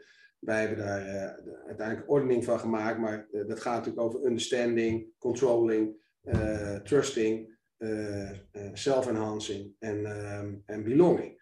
Nou, als je bijvoorbeeld mensen alleen die termen al zeggen, iedereen heeft behoefte aan, eh, heeft die core social motives. Alleen de een hecht meer waarde aan bijvoorbeeld het begrijpen en de ander aan eh, vertrouwen. Nou, als mensen dat een keer van elkaar hebben gehoord, dan denken ze, oh, nu begrijp ik waarom jij niet meegaat in die verandering, want jij hebt gewoon behoefte om het eerst te begrijpen. Maar als je helemaal begrijpt, dan ga je wel. Eh, en hier heb je iemand, ja, die, die he- heeft heel veel behoefte om de wereld van hem of haar om zich heen te vertrouwen. En die, die handelt, die is dat gewend, die heeft dat geleerd. En die, die gaat er dus eigenlijk ook vanuit het andere dat ook doen. Nou, dat, weet je, dat helpt. En dat geeft, eh, dus zo kan, je allemaal, dus zo kan je ook die leiderschapstestjes en allemaal dingen doen. Dat geeft je gewoon taal om met elkaar te duiden. Eh, wat doen we hier nu aan, met elkaar? Wat, wat zie ik bij jou? Wat verwacht ik van jou? Wat verwacht je van mij? Dus dat is fantastisch. En, en daarom ben ik ook heel erg voor. telkens, zeg maar, op ons vakgebied kijken waar raakt dat aan andere disciplines. En of dat nou antropologie is, hè, wat heel erg, hè, dus bijvoorbeeld Ernst Schamans heeft onderzoek gedaan bij de Maasai-stam in, in Kenia. En, en daar was heel erg... Ik, ik, ik, weet wat er gaat komen, mag je ook zo vertellen. Maar ik onderbreek je even voor de luisteraar. Dus het gaat er dan weer op dat we zeggen van ja, eigenlijk helpt dat wel, dat taal creëren. Maar het gaat dan weer op het charlatan gehalte waarmee het plat wordt geslagen en wordt vereenvoudigd van jij bent dan de opperhoofd of groen of geel. Ja daar zit die ergernis. Hè? Dus, dus zo'n methodiek of instrument of taal of zelfs een dansje, dat zou heel goed kunnen helpen. Maar zolang je het houdt bij wat het is. En niet een oplossing voor al het andere. Ja. Maar jij wilde het over het onderzoek van uh, vrouwenbestijdenis hebben. Die ken ik. Van Gamans, ja. maar, maar hij, hij heeft daar, zeg maar, dat was een zeer diepgravend onderzoek met antropologische insteek, zou je kunnen zeggen. Want hij heeft daar een maand geparticipeerd uh, uh, in, die, in die stam ja, daar kom je ook gewoon achter dat je kan natuurlijk pas met mensen, die mensen in verandering brengen als je ook het perspectief van de ander begrijpt. En dat, dat, en dat perspectief begrijp je pas als ook, hè, als je discours of het perspectief, maar de meeste mensen vinden discours weer een lastige term, maar, hebben wij in het Nederlands maar perspectief van gemaakt. Als je snapt vanuit welk perspectief iemand kijkt. En als je daar, als je daar dus ook taal aan kan geven en je kan ook nog zeggen, goh, de, ergens overlappen perspectieven, dan heb je dus iets gemeenschappelijks. En dan, dan ontstaat er dus beweging. Maar dat is dus heel uh, fijnmazig werk. En dat is niet even van, oh ja, wij zijn allebei geel, dus nou, dan, dan zullen we het wel begrijpen. Want dan, dan krijg je dus, we begrijpen ongeveer wel wat daar staat. Ja, maar het gaat niet over ongeveer, het gaat over heel precies. En, en ik denk dat dat wel, uh, nou ja, wat jij zei, de oppervlakkigheid. Ik heb eerst een keer ook geschreven van waarom doe ik dit werk? Ja, omdat ik heel graag wil begrijpen waarom uh, organisaties zo functioneren en waarom mensen zich zo gedragen. En dat is vaak heel complex. Uh, en dus is er soms wel een makkelijke oplossing, maar heel vaak niet. Uh, en dat vraagt dus dat je heel zorgvuldig blijft kijken. En dat is dus weer de combinatie in mijn optiek hè, van wel heel goed kijken wat er, even los hoe je definieert, maar in de wetenschap bekend is. Wat je eigen professional judgment is wat je weet over wat stakeholders in zo'n organisatie belangrijk vinden en wat er gewoon in de organisatiedata zit. Nou, dat zijn de vier mm van evidence-based werken. En alle vier doen ertoe om op een bepaald moment tot het beste besluit te komen. En wat je gewoon ziet is dat iemand ja, roept, ja, ik, ik doe dit altijd zo. Ja, dat is ook, laat zeggen, bij therapieën zo. Ja, mij heeft dit of dat heel erg geholpen. Ja, ontzettend fijn voor je. Maar de context hier is heel anders. En ja, eh, voor mij werkt niet om elke dag te gaan hardlopen. Nee, ben ik er ook veel te groot voor of zo, weet ik veel. Maar dan gaat iemand dat vertellen, wat natuurlijk prachtig is als verhaal, maar niet als methode om, een, om iedereen in beweging te krijgen. En dat ja, jij, jij, bedoelt, jij doelt dan op uh, die uh, one size fits all oplossingen. Hè? Dus dat er een spreker komt en die zegt van... Uh, Je moet allemaal een ijsbad nemen voor het opstaan en dan heb je geen last meer van burn-out. Dat, is, dat zijn... Dat, ja, maar dat, we moeten allemaal rond het kampvuur een gesprek hebben en dan wordt het allemaal beter. Ja. Ja, laat zeggen, en wat jij net ook zegt, het gaat niet om dat ik niet begrijp dat het heel leuk kan zijn om met je collega's een dansje te doen. Maar ik zou het vaak een energizer noemen of... Uh, ja, het gaat jou echt om die specifieke precisering. Hè? Want je zei ook van perspectieven, daar zit common ground in. Hè? Nou, ik zou dat wel cultuur noemen, maar het gaat, het gaat er bij jou om dat we heel nauwkeurig blijven kijken. Wat speelt hier? Ja welke verantwoordelijkheden zijn er? Want ergens heb je ook, hè, in dat voorbeeld waar je zegt van ja, je rijdt in de auto naar huis en je belt dan je vrouw en je zegt van ja, iedereen stond op. Potverdomme, waarom stond ik op? Dan ga je ook ervan uit dat die medewerker de dag daarna op kantoor komt en zegt van ja, waarom staan jullie eigenlijk op? Maar we weten ook dat dat best vaak niet gebeurt. Nee, maar, dat, maar dan nog, weet je, geld dat je kan het wel lang volhouden, maar dan is het nog steeds uh, dat bedoel ik ook met het verschil tussen een totalitair systeem en ook in andere systemen, zeg maar, uh, participeren. Ja, je kan natuurlijk zeggen, ja, weet je, ja, ik, mijn partner zegt dat ik echt compleet gek ben dat ik elke keer gestaan met het belletje. Maar weet je, ja, voor mij is het de behoefte om bij deze groep te horen, uh, is groter. dus ik ben bang dat ik gestoten word. Dus ik hou het gewoon vol. Maar dan vervolgens kom je op een feestje en dan vertel je dat verhaal en dan zegt weer iemand van, ik, wat, wat, wat raar, waarom doe je dat? Waarom vragen je niet eens gewoon aan die mensen waarom ze dat doen? Ja, weet je, en dan gaat het niet in één keer, maar wat in ieder geval, je kiest ervoor, en dat is, dat is wat mij betreft dun, je kiest ervoor om je op een bepaalde manier te gedragen, al dan niet, hè, kan je nog over twisten, uh, gevoed door een bias. Hè? Uh, bedoel, en, en, en, in het brein is het natuurlijk zo dat sommige dingen ja, uh, erbij willen horen. Dat was als je vroeger in het bos bij een stam zat, ja, en je werd er door de, de, de stamhoofd uitgegooid. Dood ben je gewoon opgegeten. Dus ja. ja, je kon beter een beetje voorzichtig zijn, weet je. En ja. als jij in het bos liep en je zag een afdruk van een, van, een, van een grote voet... En je dacht, ja, dat zal wel een beer zijn, dus ik ga maar de andere kant op lopen. Ja, dat, uh, dat, is, dat, dat leidt ertoe hè, dat, dat we negatieve dingen veel of meer uh, waarschijnlijkheid toekennen dan andere. Maar ja, we wonen niet meer in een bos. We, zijn, we hebben geen stamhoofden meer. Mensen kunnen ook een andere baan kiezen. Dus uiteindelijk hè, is het niet, ik zeg niet dat het makkelijk is, maar ja, veranderen, eh, een beetje flauw, maar is niet ver en van anderen. Maar is dichtbij en van jezelf. En zelf maak je een afweging, ga ik het wel of niet doen? En doordat je in andere contexten komt, ja, is de kans groter hè, dan dat je, eh, zoals in Noord-Korea, ja, dat zelfs je vrouw bij wijze van spreken je kan verraden uh, als, je, als je niet houdt aan de regels. Ja, dan denk je bij jezelf, ja, ik blijf me maar zo gedragen. En op een gegeven moment gedraagt iedereen zich zo. Maar dat is niet een collectieve programmering, dat is gewoon onderlinge gedragsafstemming. En zeg je daarmee ook van, dat hoor ik je tenminste zeggen, of tenminste dat denk ik, als wij samen in een organisatie zouden zijn, dat je dat dan aan het zeggen bent. Want ik ontsla je niet van je individuele verantwoordelijkheid. Je bent uiteindelijk zelf verantwoordelijk voor het gedrag dat je vertoont. Hè? Dat leg je dus ook bij al die medewerkers. Zeg ja, dit is gewoon het gedrag dat nu gewenst is. Of je nou dat vertoont of niet, het zit bij jou. Nou, ik denk dat daar, dat daar dus ook op allerlei lagen in organisaties hè, heel makkelijk uh, aan voorbij wordt gegaan. Dus en nog even om af te maken, want anders lijkt het uh, alsof ik zeg, ja, programmeren bestaat niet. Programmeren bestaat wel, dus als je kan sanctioneren. Dus als je letterlijk gewoon vermoord kan worden als je niet houdt aan de regels, ja, weet je, dan ga je wel zo gedragen. Maar dat is een totalitair systeem. Maar inderdaad, als je even terug gaat naar het punt van, uh, je hebt een individuele verantwoordelijkheid. En dat is denk ik wat heel vaak ook heel makkelijk is. Ja, maar de cultuur hier maakt dat ik me zo gedraag. Ja, weet je, leuk, maar in een interactie met, met iemand uit je organisatie. Wat doe je dan zelf? En laten we die dan gewoon even afpellen, want die wordt, die wordt gewoon heel concreet. Die herken ik ook. Hè? Maar dan als je ander gedrag, dat is dat sense of belonging. Als je ander gedrag vertoont, ben je een beetje uit dat klikje. Uh En dan? Dat, dat heb je te accepteren of dat heb je te dulden? Wat doe je daar als veranderkundige mee? Dat is de vraag sowieso of die angst, die angst die je dan hebt, dat je er dan niet meer bij kan horen of die gegrond is. Hè? Dat begint de eerste, is een aanname. Uh, uh, want daar zit natuurlijk een punt in. Uh, wat gebeurt er nou ook bij zo'n belletje als jij gewoon blijft zitten? Wat gebeurt er dan? Ja, dat, dat jij je even ongemakkelijk voelt, maar eigenlijk denk ja, ik weet niet waarom die mensen opstaan. Maar, maar tegelijkertijd geef je aan dat 9 van de 10 mensen opstaan. Ja, zeker. Maar, ik bedoel, maar, maar, dus ik zeg ook niet dat het makkelijk is. maar tegelijkertijd is het wel zo. Je, hebt, je kan op dat moment bepalen van ik word hier niet de wachtkamer uitgegooid. Of als dat wel gebeurt, en zeggen als je nog één keer doet, dan krijg je een afspraak bij de dokter. Oké, dan, dan, heb ik, dan snap ik weer wat de functie is. Maar hier, je hebt nog helemaal niks gedaan en je, je neemt dan een paar aannames over waarom iets zal gebeuren. Dat is natuurlijk wat we heel veel in organisaties ook zien. Ja, er heerst hier een angstcultuur, want je kop gaat eraf en dat soort termen. En dan is de vraag, maar wat bedoel je daar precies dan mee?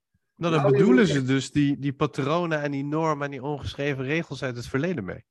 Ja, dat zijn conventies die mensen ergens wel hebben opgedaan. Dus die zijn ja. er. Ja. Uh, alleen, als jij het wil oplossen, dus als je zegt, ja, we willen ander gedrag, ja, dan moet je niet de regels gaan aanpassen. Als, als iets op een niveau van een ongeschreven regel of een conventie zit. Hè, dus als jij zegt, ja, we hebben hier allemaal een kaartje en, en, en, of een uh, screensaver en daar staat op afspraak is afspraak. Oké, nou, dus kladijk is dat een regel, die heeft iemand bedacht. Hè? Nou, dan kan je zeggen, die is heel expliciet, maar ook ervaringsveraf. Hè? Want dus begrijpt wat staat en iemand anders heeft bedacht. En elke meeting dat jij uh, daar zit en je bent jonge medewerker, zit je daar om half negen klaar. En dan komt daar, weet ik veel, een oude partner, eh, die komt altijd tien minuten te laat, al bellend binnen. En uh, natuurlijk met een hele belangrijke klant. En uh, nou, dan om kwart voor negen legt hij zijn telefoon neer, die zegt geen sorry en die begint de vergadering.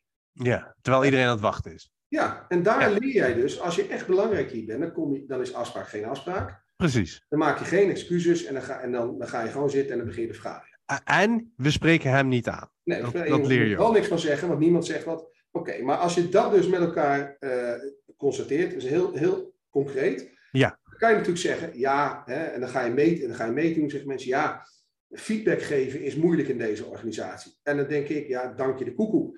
En dan roept er ook nog iemand, ja, misschien moeten we onze medewerkers naar feedbacktraining sturen. Ik zeg nee, je moet kijken waar dit probleem ontstaat. En waar ontstaat dit probleem? Bij de hoogste leidinggevende laag. Want die vertonen gedrag wat niet conform de regels is. Dus daarmee leer je die andere mensen aan dat ze je vooral niet aan de regels moeten houden. Dus je, moet, je interventie moet zijn op het niveau van ongeschreven regels. En dan, en, en dan is het ook nog eens zo dat je niet met de hele groep moet gaan werken, maar je moet met die groep partners gaan werken, die Ja. eigenlijk met elkaar dit doen. En dan eh, kan je, als zij ander gedrag gaan vertonen, dan gaan die anderen ook ander gedrag vertonen. Eh, Maar, maar dat vraagt natuurlijk een heel precies proces. En dat is iets anders dan zeggen, ja, we gaan nu alle belastingdienstmedewerkers even door een antidiscriminatietraining heen gooien. Nee, helemaal mee eens hoor. Kijk, ik doe. Eigenlijk zeg je in andere woorden: correct me if I'm wrong. Je maakt gewoon een degelijke diagnose. Je kijkt waar het probleem zit. En daar interveneer je ook, omdat je denkt dat daar de hefboom zit. Ja, en, en, en wat mij betreft geen generieke oplossingen voor specifieke problemen. Ja, nee, dat hoor ik je. Dat ja, ik en, je. en bedoel, dat, dat zie je natuurlijk ook. hè. Ik bedoel, toen de Nederlandse bank druk ging uitoefenen op de banken, later de AFM op de, op de accountants, ja, moesten ze allemaal een cultuurprogramma doen. Maar ja, bij Rabo zaten toch gewoon twaalf mensen in Londen eh, met de rente. te- eh, Libor, hè? Ja. ja, Libor, ja. Ja, dat, maar vervolgens moest elke brave eh, filiaalmedewerker eh, uit, uit het oosten van het land moest ook door een waardesessie heen worden gehaald. Alsof die niet de klant eh, centraal stelde. Alsof die ook elke dag liep te graaien daar. Die mensen gingen gewoon braaf naar hun werk. Nee, eens. eens. Dat deugt een- allemaal niet. Ja, en, dat is, en, en daar is een hele grote markt voor. Want ja, die twintig mensen moeten toch allemaal een middag door een waardesessie. En, en er is niemand die zegt, is dit nou een oplossing voor het probleem? Of is dit solutionaring? Hè? De oplossing is al bedacht voordat het probleem begrepen wordt. Dat kom ik echt voornamelijk ook tegen. Solutionary. En toevallig is, dat, is die oplossing ook iets wat jij heel goed kan. Ja, Eh, dus nee, daar kan ik me helemaal in vinden hoor. Dat we, en ik denk ook dat we in het vakgebied. eh, en dan kom ik zo straks op dat andere. Ik denk dat we in het vakgebied onze eigen verantwoordelijkheid niet nemen. Dus als ik kijk naar de adviseur. eh, die kijkt niet van wat is mijn ontstaans- of bestaansrecht. Hè? Dus dit is even mijn taal. Eh, als het begint te kriebelen moet je het zeggen. ja, Als ik ergens kom, dan denk ik van ja, waarom besta ik? Waarom mag ik hier komen? Wa- Wat is de reden dat ik. En er moet dan een specifiek probleem zijn. Dus Ja. al mijn handelingen van A tot en met Z, die moeten iets bijdragen aan dat specifieke probleem. Anders, anders heeft het geen reden dat ik hier ben en moet ik vooral naar huis gaan. Ja. En dit is wat ik voornamelijk niet zie. Ik zie voornamelijk een soort van opdrachtgever-pleasend gedrag. Hè, terwijl je ook niet, je kan dan niet tegen die opdrachtgever, ja, dat is eigenlijk jouw probleem. Jij doet dit, want jij komt bellend binnen en iedereen neemt het gedrag over. Hè, als dat zo is, hè. Ja, het zou ja. ook iets anders kunnen zijn. Ik zie vooral opdrachtgever pleasend gedrag, waarin die opdrachtgever eigenlijk nog meer beloond wordt in zijn, in die mechanismes die hij zelf eh, in stand houdt. En dan praat je wat verder, kom je, ja, mijn man is eigenlijk aannemer en eh, zijn allebei zelfstandig. En denk je, je bent gewoon een bakkerij aan het runnen. Je bent, gewoon, je bent gewoon aan het verkopen, je bent broodjes aan het verkopen. Terwijl ik vind dat je als adviseur echt getrouwd moet zijn aan de opgave. Je moet voor jezelf helder krijgen, wat doe ik hier? Wat is het probleem? Wat is de opgave? En wat heb ik hier op te lossen? ja, zeker. Maar eh, dan kom je natuurlijk op een heel fundamenteel punt. Kijk, ik zeg altijd, ehm, in, in mijn vakgebied kan je helemaal geen opdracht verkopen.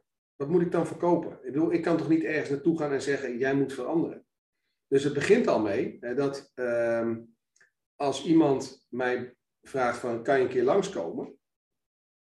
Nou, ik weet niet of ik dat vorige keer verteld, maar kijk, wat mij natuurlijk in het begin van mijn carrière, wat elke adviseur overkomt, dan ga je ergens zitten en dan zegt iemand, goh, vertel mij even waarom ben je eigenlijk zo'n goede adviseur? Hè? Of wat is jouw ervaring? Nou, dan ga, voor je het weet ga je je cv oplepelen en voorbeeldprojecten noemen. En dan gaat iemand zeggen, ja nee, maar dat is eigenlijk niet wat hier het probleem is. En dan, maar dat is heel raar, dus ik ben daarmee gestopt. Hè? Eh, heel lang geleden al. Ik heb, want ik heb een keer tegen een opdrachtgever gezegd, die, die dat ook deed. Zei ik, doe je dat ook als je naar de huisarts gaat? Zegt hij, wat bedoel je? Ik zeg, nou, als je bij de huisarts gaat zitten, ga je dan zitten en zeg je eerst, leg me even uit waarom jij een goede huisarts bent. Nee, zei dat doe ik niet. Ik zeg, nou, wat doe je dan wel? Nou, ik vertel wat mijn klachten zijn. Ik zeg, ah, nou, ik zeg, als jij nou vertelt wat je klachten zijn, dan zal ik daarna laten zien of ik een goede huisarts ben of een goede arts. Want als ik een goede ben, dan of ik kan jou helpen met je probleem, of ik ben een hele goede en ik stuur je door naar een specialist. En zo zie ik ook ons werk. Hè. Eén, eh, dat hebben we hier ook al op kantoor, eh, twintig jaar geleden. Ons kantoor bestaat eh, komend jaar, eh, 1 januari, 20 jaar. Van harte. Gingen, gingen wij ehm, het hebben over voor wie willen wij nu werken? En dan krijg je natuurlijk eerst de, de reflexen van niveau en sector en nou, dat soort dingen. En maar uiteindelijk was onze conclusie voor opdrachtgevers die iets moeten of die iets willen. Want dan kan je, hè, en dat, dat is de eerste voorwaarde. En als het mij niet duidelijk is wie er hier iets wil, dan, dan heb ik er niks te zoeken. En het tweede is dat ik als centraal thema heb, heb ik hier iets toe te voegen. Nou, het lijkt, lijkt op jouw bestaan, maar dat is iets anders dan hoe kan ik hier zoveel mogelijk adviseurs verkopen. Ja. Ja, weet je, dat, dat, eh, dat er meer of minder adviseurs nodig zijn, is een resultante van de aard van het vraagstuk. En, en, en, en daarnaast zit erbij hè, dat, eh, nou, daar heb ik gelukkig minder last meer van, maar kijk, wat er ook vaak gebeurt, is dat opdrachtgevers van boven naar beneden tegen adviseurs aanpraten, alsof jij een leverancier bent. En dan moet ik ook nog een rondje langs inkoop gaan doen. Nee, jij hebt blijkbaar een vraag, jij bent verantwoordelijk voor een organisatie, je wil iets, ja, en ik kan waarschijnlijk iets toevoegen. Nou, oké, en natuurlijk stuur ik daar aan het eind van de, van de maand een factuur voor, maar daar heb ik ook voor gewerkt. En dat is een fundamenteel ander model dan, goh, ik moet hier uren verkopen. En, en Ja, die- is, weet je, als ik, iemand zegt, ja, we willen een middag en we gaan dit en dat en zus en zo doen. Ja, maar het moet wel vooral leuk zijn. Ik zeg, ja, dan zeg ik, ik ben geen infotainmentbureau. Weet je, ja, ik ben er niet van. Dus ja, er zijn heel vast heel veel eh, leuke congresorganisaties die met alle plezier een leuk middagprogramma voor je willen organiseren. Maar ik ben natuurlijk een inhoudelijk adviseur die iets bij wil dragen aan eh, vraagstukken van organisaties. Alleen ja, dat is, nou, ik bedoel, er zijn een tal van adviseurs die ook die opvatting hebben, maar er zijn natuurlijk ook grote, en met name grotere kantoren, die moeten gewoon een business draaien. Ik denk dat dat de essentie is van, eh, eh, van ons gesprek. Ook, ook van wat mij dan irriteert. Maar of je nou welke semantische woordje gebruikt, is natuurlijk uiteindelijk heel erg bepaald. Wat bedoel je daarmee? En wat ga je er dan mee doen? En wat houdt dat in? Maar het gaat denk ik, en correct me if I'm wrong, ergens ook om die oppervlakkigheid waarmee ehm, ja, toch meer producten worden verkocht. Ja, En ik denk, er is helemaal niks mis met een feedbacktraining. Maar dan moet er een specifieke behoefte zijn en die feedbacktraining. Maar een Ja. sans- one-size-fits-all feedbacktrainingen die van de rek worden verkocht, ja, dat, die doen het dan minder goed. Ik, ik had laatst een eh, gesprek met een soort van, eh, wat is het, semi-overheidsorgaan of zoiets, hè? Die, die ook heel vaak in het nieuws komen. En die hadden gehoord dat ik bij een andere semi-overheidsorgaan ook wat dingen had gedaan die ook vaak in het nieuws kwamen. En ik heb die man echt alle hoeken van het veld laten zien. Ik dacht, dit is absurd. Als jij geen idee hebt wat het probleem is, geen idee hebt met wie je in gesprek moet, en je hebt gewoon als een soort van instrumenteel kunstje, want dan vertel ik ergens hoog in de politiek dat diezelfde jongen van die andere organisatie ook komt. Ja, ik ben zelfstandige. Ik bedoel, die opdracht had de rest van mijn carrière kunnen maken. Maar ik heb die man gewoon naar huis gestuurd. Ga maar eerst met die mensen praten. En dat is niet omdat ik een of andere nobel mens ben. Ik denk dat ik dan niks kan doen. Dan weet ik niet wat ik daar kom doen. ja, En dan kom ik ook nog bij een, bij een soort van afdeling die moeite hebben met welke rol ze nu hebben in de, in de, in, in, in, met de vet. Ja, dan, word ik, dan heb ik binnen twee dagen een burn-out. Want die mensen weet ik niet wat ik, wat ik daar kom doen. Het is niet Nee. aan ze verteld wat ik daar kom doen. En iemand hoog in de boom heeft gewoon gedacht van... Ja, eigenlijk wil ik helemaal niks veranderen. Maar ik wil qua window dressing zeggen dat die ene jongen er is... die ook bij andere organisaties Ja. dingen doet. ja maar dat, dat noem ik eh, legitimatieopdracht. Ja, ja. Weet je, en dat, ook dat is trouwens een businessmodel. Ik bedoel, je hebt. er is zelfs een uitspraak, ik weet niet of je die wel eens hebt gehoord, maar de, kijk, you never get fired for hiring McKinsey.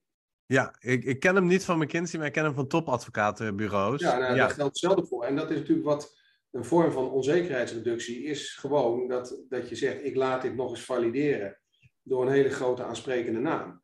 Ja, en dan kan mijn raad van commissarissen nooit zeggen dat het een ondoordacht besluit is. Ja, en datzelfde is natuurlijk bij de overheid is het zo. Er worden heel veel van dat soort onderzoeken gedaan als legitimatie naar de Tweede Kamer, maar niet per definitie om die organisatie beter te maken. Nul. Ja, maar dus- niet, je zegt niet per definitie, ik durf gewoon te zeggen nul. Ja, nou ja, ik, ik werk eigenlijk, wij zeggen heel vaak, wij werken niet voor eh, overheid en gemeente en provincie. Uitzonderingen daar gelaten, want we werken natuurlijk wel voor. Maar als, als nulhypothese, ja, hebben wij ooit gezegd, dat doen we niet. En waarom niet? Omdat ons uh, vaak volkomen onduidelijk is, wie wil hier eigenlijk wat? En datgene wat ze willen, ja, heeft dat nu iets te maken met organisaties beter maken, wat toch de, het hart van ons werk is. Je moet het beter maken. Ja, en ik zal wat, ik durf dat natuurlijk niet te zeggen. Ik ga dat, tussen, ik ga dat snel tussendoor doen en dan heel snel verder praten. Uh, dat vind ik ook een beetje de cultuur waar die mensen in zitten. Het is alsof die mensen daar wonen. En dan met wonen bedoel ik letterlijk, hè, als ik, jij gaat straks naar Amsterdam, dat weet ik toevallig. En dan zit je in je woonkamer en dan, kom ik, dan trap ik de deur binnen en zeg ik, Wouter, waar, waar zijn die stukken? Zo reageren die mensen, terwijl ze, terwijl ze in functie zijn, goed betaald krijgen, al jaren daar rondlopen. En je stelt drie fundamentele vragen. Wat voor werk doe je eigenlijk? Of waarom help je die andere afdeling niet? Of wat voeg je nou toe? Die hebben geen idee. Die doen alsof ze met het gezin aan het eten zijn. Ik trap de deur binnen en ik zit in je woonkamer. Ja. En dan, dit verbaast mij dus enorm. Dan, denk ik van, ja, willen we ooit... Nou ja, noem maar een ellende op. Zeg maar binnen overheidsland of semi-overheidsorganen. Willen we daar ooit iets van verandering in brengen? Dan kan ik die mensen die daar zitten en, en hiermee succes hebben geboekt, eigenlijk niks kwalijk nemen. Die denken van ja, ik zit hier, ik krijg goed betaald, waar, waarom zou ik überhaupt iets anders gaan doen? Maar ik kan die adviseurs een hoop kwalijk nemen, die dan met een dansje of een kunstje of weer iets voorbij komen. En die, die, en die uiteindelijk niks aan die oplossing bijdragen. Dus wat, wat zie jij daar dan? Wat, wat moeten we dan doen? Um, nou ja, kijk, want die mensen zijn bijvoorbeeld heel goed in het lezen van bezwaren, aangiftes, technische dingen in het ziekenhuis, et cetera. Ik denk van ja, vanuit hun gaat het niet komen. Die, zitten een beetje, die zijn een beetje vastgelopen. En dan komen er allemaal adviseurs binnen en die, die doen hun eigen kunstje, verdienen geld en die gaan snel er weer vandoor ja. naar een andere opdracht. Dus wat, eh, waar, waar, komt, waar moet de oplossing vandaan nee, Maar als adviseur geldt natuurlijk hè, dat als je die metafoor zou willen gebruiken, je, je moet geen beademingsapparatuur zijn. dus ja, als jij tijdelijk de beademingsapparatuur nodig hebt om weer zelf te kunnen ademen, dat is prima. Maar als je beademingsapparatuur permanent is en als je die eraf haalt, dan gaat die patiënt dus nog uh, uh, naar het einde toe. Dat is niet wat je als adviseur moet zijn. Als adviseur moet je het probleemoplossend vermogen van die organisatie uh, helpen vergroten. En dan kom je op het punt, ja, toch maar even terug naar gedrag en, en ook cultuur. Ja, als jij natuurlijk gaat vragen. Um, nou, laat ik je een voorbeeld geven. Ik gaf ik doe volgend jaar met 30 jaar bijna dit, ja, 30 jaar dit werk. Um, mijn 98 deed ik bij een grote ZBO. Uh, was reizings voor het wegverkeer. Die waren net ZBO geworden, hè, dus op afstand van het ministerie gezet. Nou, daar ging, ging het gesprek over. Um, ja, we moeten klantgerichter worden.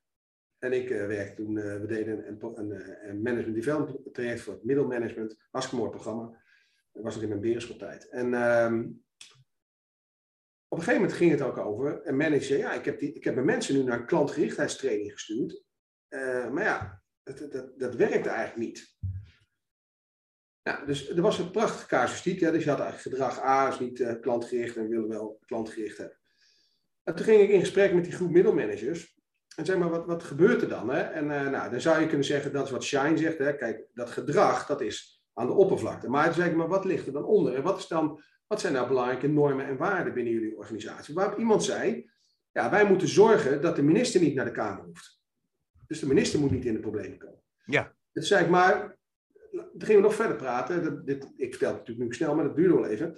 Toen kwamen wij uiteindelijk wat, wat Shine noemen, wat is dan de basisassumptie die onder die normen en waarden ligt. Toen zei iemand, ja maar jongens, laten we toch even wel wezen, we hebben hier helemaal geen klanten. Er zijn er gewoon burgers. En waar gaan ze dan het kenteken eh, krijgen? Kunnen ze toch alleen bij ons krijgen? Oké, dus we hebben geen klanten, we hebben burgers. Wij moeten zorgen dat uh, de minister niet naar de Kamer moet. Ja, welk gedrag krijg je dan? Ja, procedureel verantwoord gedrag, maar niet klantgericht gedrag. Dus je moet eigenlijk eerst met mensen het hebben over, maar is er ook een basisassumptie waardoor je zou kunnen zeggen, hé, hey, misschien komt er een keer concurrentie of uh, komen er andere eisen, waardoor de normen en waarden ook gaan over effectief en anders organiseren en daarmee klantgerichter. En, dat, en nou, dat noem je de waterbak van Shine. Als je niet die, die, naar beneden gaat, kom je nooit op dat andere gedrag. Nou, en dan terug naar wat je. En, en, nou, dat, en dat is dus heel hardnekkig uh, in, um, in overheidsland bijvoorbeeld. Hè. We moeten zorgen dat de minister niet naar de Kamer gaat. Uh, bij de toeslagenaffaire weet ik. Ja, weet je, toen, toen het eenmaal. Uh, kijk, iedereen, nou niet iedereen, want er zijn heel veel mensen die zich daar ook druk over maken. Maar toen de, de Bulgaren-kwestie, zoals die dan inmiddels heette, met die oranje pasjes in, in hun eigen land. Ja, toen, toen was het moord en brand. Hè. Dit mag nooit meer gebeuren. En het mag nooit meer. Nou, en, en natuurlijk, hè, de, de toeslagen is ontzettend onder druk gezet. Jullie gaan zorgen dat dit nooit meer gebeurt. Want anders moet de staatssecretaris van Financiën weer naar de Kamer. Nou, vervolgens zijn er modellen gebouwd uh, met logaritmes. En ja, daar zitten ook, laat zeggen, juridisch niet verdedigbare dingen in, klaarblijkelijk. Maar het is wel daar begonnen. En wat gebeurt er vervolgens? Uh, wat is nog steeds een van de ergste dingen in Nederland? Als de minister naar de Kamer moet. Maar wat is er tegenwoordig zelfs aan de hand? Als de minister naar de Kamer moet, omdat, er allerlei, omdat hij de minister-president appjes wist, of omdat uh, iemand toch klaarblijkelijk wel bij een deal betrokken is, terwijl hij drie keer heeft gezegd dat is niet zo nou, dan krijgen we een beetje dat wat ik eerder zei over partners die te laat binnenkomen. Hè? We zijn transparant, je moet je verantwoorden. Nee, maar verantwoorden en naar de Kamer gaan is geworden, je kan hier overal mee wegkomen.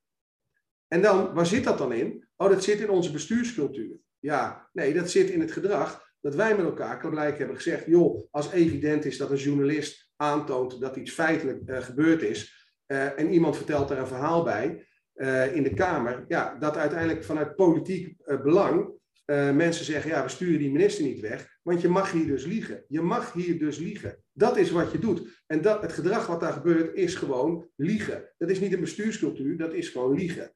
En vind je het dan gek dat mensen op de onderliggende niveaus ook gaan liegen, omdat ze uiteindelijk zeggen, ja, want uiteindelijk moeten we voorkomen dat onze minister in de Kamer iets moet komen uitleggen waar die ook nog moet liegen. Nou, maar misschien is de volgende keer wel, uh, kunnen we zeggen, ja, het maakt eigenlijk niet uit of de minister naar de Kamer moet. Want hij kan ook liegen en dan kan hij alsnog overleven.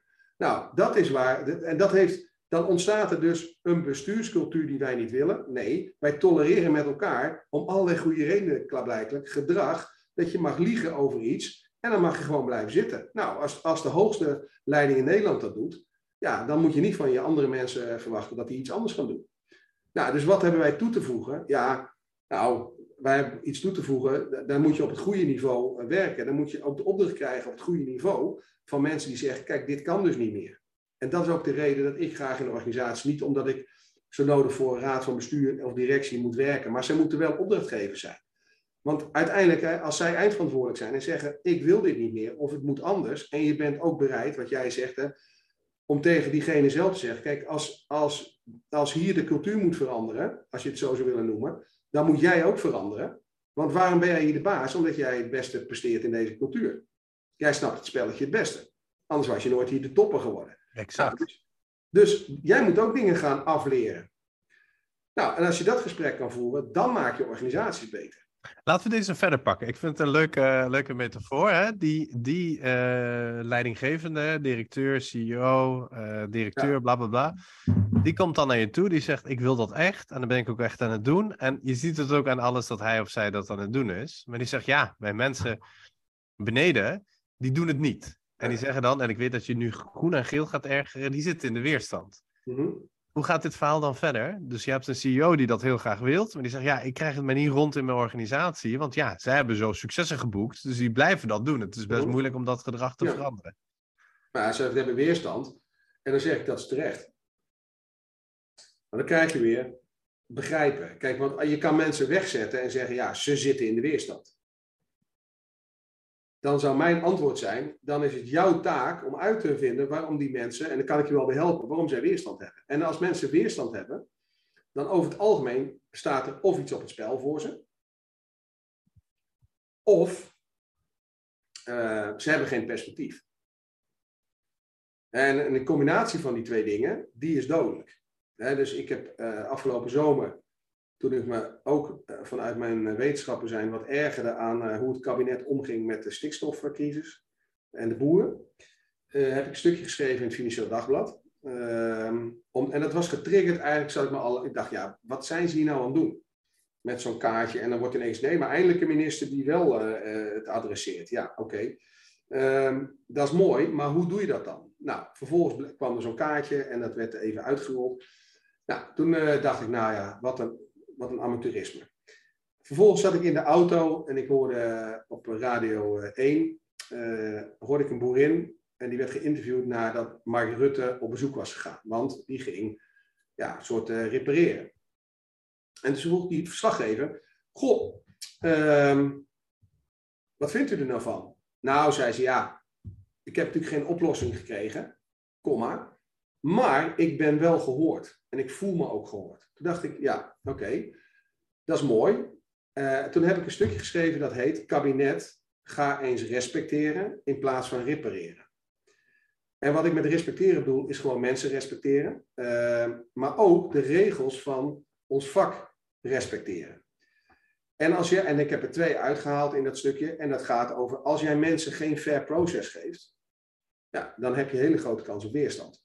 Als je ook nog eens een keer, hè, eh, dus hè, daarna ging Remkes, die ging 40 partijen om de tafel zetten. Dat had je ook aan de voorkant kunnen doen. Hè? Dan hadden we eens gehoord, had je ook kunnen zeggen, bepaalde dingen kunnen wij niet oplossen, maar hè, we horen wel hoe je erin zit. En, en het tweede wat niet is gebeurd, is mensen perspectief uh, geven. Want je geeft iemand een kaartje, die kijkt dan, hé, mijn boerderij ligt in een donkerrode stip. Ik lees nergens wat ze me aanbieden. Geef, gaan ze me betalen? Mag ik dit in, in vijf jaar ombouwen tot een biologische boerderij? Nee, dus geen fair proces en geen perspectief. Ja, die mensen vechten zich bijna letterlijk dood op de snelweg. Daar kan je van alles van vinden eh, over de, manier van actie voeren. Alleen het is vanuit ons vakgebied wel redelijk voorspelbaar wat hier gebeurt. Nou, uh, ik vind dat een, een voorbeeld van, ja, je, je wilt manhaftig, hè, dan klaarblijkelijk eindelijk het stikstofvraagstuk aanpakken, maar je negeert alle regels van ons vakgebied. Nou, uh, en ik, ik, ik, was ook nog um, nou ja, zo arrogant om te zeggen, iedere student die bij ons enige keer college had gevolgd, die had de minister hierover anders kunnen adviseren, want het zijn gewoon basale regels. Ja, dus als een opdrachtgever uh, zegt, ja, weet je, ik heb weerstand, ja, dan, dan zijn het vaak ook eenvoudige dingen, namelijk, ga eens even luisteren waarom die mensen dat dan niet willen. Of mag ik dan eens zien wat jij hebt gedaan om die mensen in beweging te krijgen? Ja, en ik noem maar even wat, hè. we weten ook dat uh, Future Shock in ons vakgebied, dat werkt natuurlijk niet. Als ik tegen iemand ga zeggen op een IT-afdeling, nou ja, één ding is wel zeker, over twee jaar bestaat jouw werk niet meer. Ja, en dan, ik zeg niet van, maar we gaan die twee jaar gebruiken om jou om te scholen, of er is altijd plek, of weet ik veel. Wat gaan die mensen dan doen? Die denken, ja, wacht even, dus ze gaan hier iets automatiseren wat ik nu doe. Nou, dan ga ik natuurlijk frustreren, want misschien wordt het dan niet twee jaar, maar vier jaar. En hé, hey, ik ben 63, dus dan haal ik mijn pensioen hier nog. Ja, en dan ga ik zit in de weerstand. Nee, hè, dus heb ik volgens mij vorige keer ook gezegd. Weerstand betekent vaak dat jij bent vergeten in het veranderproces wat je hebt ontworpen. En ik, ik, ik, ik vind het een mooi verhaal, dus ik, ga, ik hou hier ook aan vast. Maar ik ga, ik ga hem iets uh, moeilijker maken, de ja. casus. Jij bent er net, hè? Een jaar, twee jaar, drie jaar, drie maanden. Jij bent er net als, als CEO daar. Ja. Of, of, in onze casus de CEO, of jij ja. dat al bent of iemand anders. Die mensen die hebben jarenlang, decennia lang, succes geboekt met het frustreren van processen. Ja. Dus hè, we hadden het over uh, gedrag uit het verleden, hè, wat op een gegeven moment patronen worden. Die denken, ja, dus weer een nieuwe adviseur, dus weer een nieuwe directeur. Ik zit hier al 30 jaar en ik heb 30 jaar kunnen dwarszitten. Dus even in mijn woorden, dat is een heel sociaal-historische context. Ja, ja. Hè? En, en uh, je mag andere woorden gebruiken, maar die sociaal-historische context heeft die patronen en die normen echt in mij doen versleten. Sterker ja. nog, ik ga er niet van afwijken. Het is gewoon bijna een reflex. Hè? Vindt Kahneman leuk, is bijna systeem 1. Ja, ja, systeem 1. Uh, bam. Uh, de, nieuw iemand, bam. Ik ga in de weerstand. Want ik ga, ja, ik ga gewoon niet, ik ga niet meewerken. En het is me al 30 jaar gelukt. We zoeken het maar uit. Aan ieder veranderbeweging is strand hier toch. Dus het is weer een uh, nieuwe circus act van, het, van de maand. Hè? daar komen ze weer aan, dan doen ze kunstjes. En dan denken niet één mensen, maar dan denken ik weet niet uh, hoe groot deze hypothetische afdeling is, maar dat denken 50 mensen. Dat denkt echt de helft, die denkt dat. En nu? En nu, nou, uh, kijk, het begint natuurlijk bij... Dus, dus even terug, hè? we begonnen ja, met, nou, die leidinggevende die moet zelf willen. Ja, nou, ja die wil dat dus en die, die, treft, die is er kort en die treft een organisatie aan en denkt, nou, dit, dit, dit is niet houdbaar. Hè? En heeft hij ook... Ja, en de weerstand is altijd terecht. Hè? Gedrag ja. is altijd rationeel. Ja, dus nee, maar, maar laat, ik ga er even uit dat de, de, de richting die zo'n uh, uh, organisatie op willen, dat, dat je als adviseur daar ook van zegt, ja, weet je, ik begrijp waarom iemand dit wil. Hè. Het is niet van, uh, het is veranderen om het veranderen. Hè. Dus, uh, nee, nee, de rest zit goed. Nee, en je dus, zit aan de juiste ja, nee, dus, ze ja, nemen je serieus. Ja, nee, dus, nee, maar de, dus de, de, de richting die ze willen is, is goed, alleen de organisatie die zit in dat patroon wat jij schetst. Nou, kijk, ook daarvoor geldt, wat mij betreft, um, dan kan je zeggen, het is heel simpel. Ja, maar dat is het vaak ook. Um, namelijk mensen denken dat ze natuurlijk bepaald gedrag kunnen blijven vertonen. Mm-hmm. Waarom? Omdat daar ook geen sanctie op stond. Mm-hmm. En dat moet, daar moet je heel goed over nadenken. Hè? Uh, als je CEO bent en je wilt iets veranderen, moet je ook je afvragen: wat is het me waard? Uh, nou, er zijn natuurlijk organisaties waarin ze het zo hebben gebouwd dat uh, drie mensen nog snappen hoe de IT-systemen werken en de rest niet. En mm-hmm. ja, dan vervolgens zeggen die mensen ja, als je dat of dat gaat doen, ja, dan ligt die hele organisatie hier plat. Ja, die chanteren je gewoon. Ja. Als je die morgen ontslaat, ja, dan heb je wel degelijk een heel groot operationeel probleem. Ja, dus dan ja. vlieg je anders aan hè, dan een groep hè, waarvan je zegt, ja, weet je, uh, jullie zijn dat niet gewend. Nee, dat klopt. Nou, ik had een keer iemand en daar was ik mee in gesprek. Uh, en die, die, werd, die, was, die, die zat in zo'n situatie en die, die, die zei dus, ja, ik zat dan met mijn directieteam en we nemen een besluit. Nou, en we hadden twee maanden daarna hadden we weer een uh, directiedag. En uh, ja, zegt uh, een van die directeuren, die zegt tegen mij, zei die, vertelde hij mij dus. Ja, weet je, ik was het er niet mee eens, dus ik doe dat ook niet. Ook nou, het toen, toen zei hij zo, ja, ehm, maar weet je, ik werk zo dat als wij met elkaar daar een gesprek hebben en we nemen een besluit, dan gaan we dat ook doen. Ja, maar de vorige directie, ja, maar daar heb ik niks mee te maken. Dat, dat doen wij hier dus niet meer. Ja, dan kan je zeggen, dat klinkt heel eenvoudig. Maar als je vervolgens zegt, ja, oké, en je wordt dus wel geacht om dit te doen. En als je dat niet doet, ja, dat kan, weet je. Dan, blijkbaar wil jij niet meer bijdragen aan deze organisatie. Dat is prima.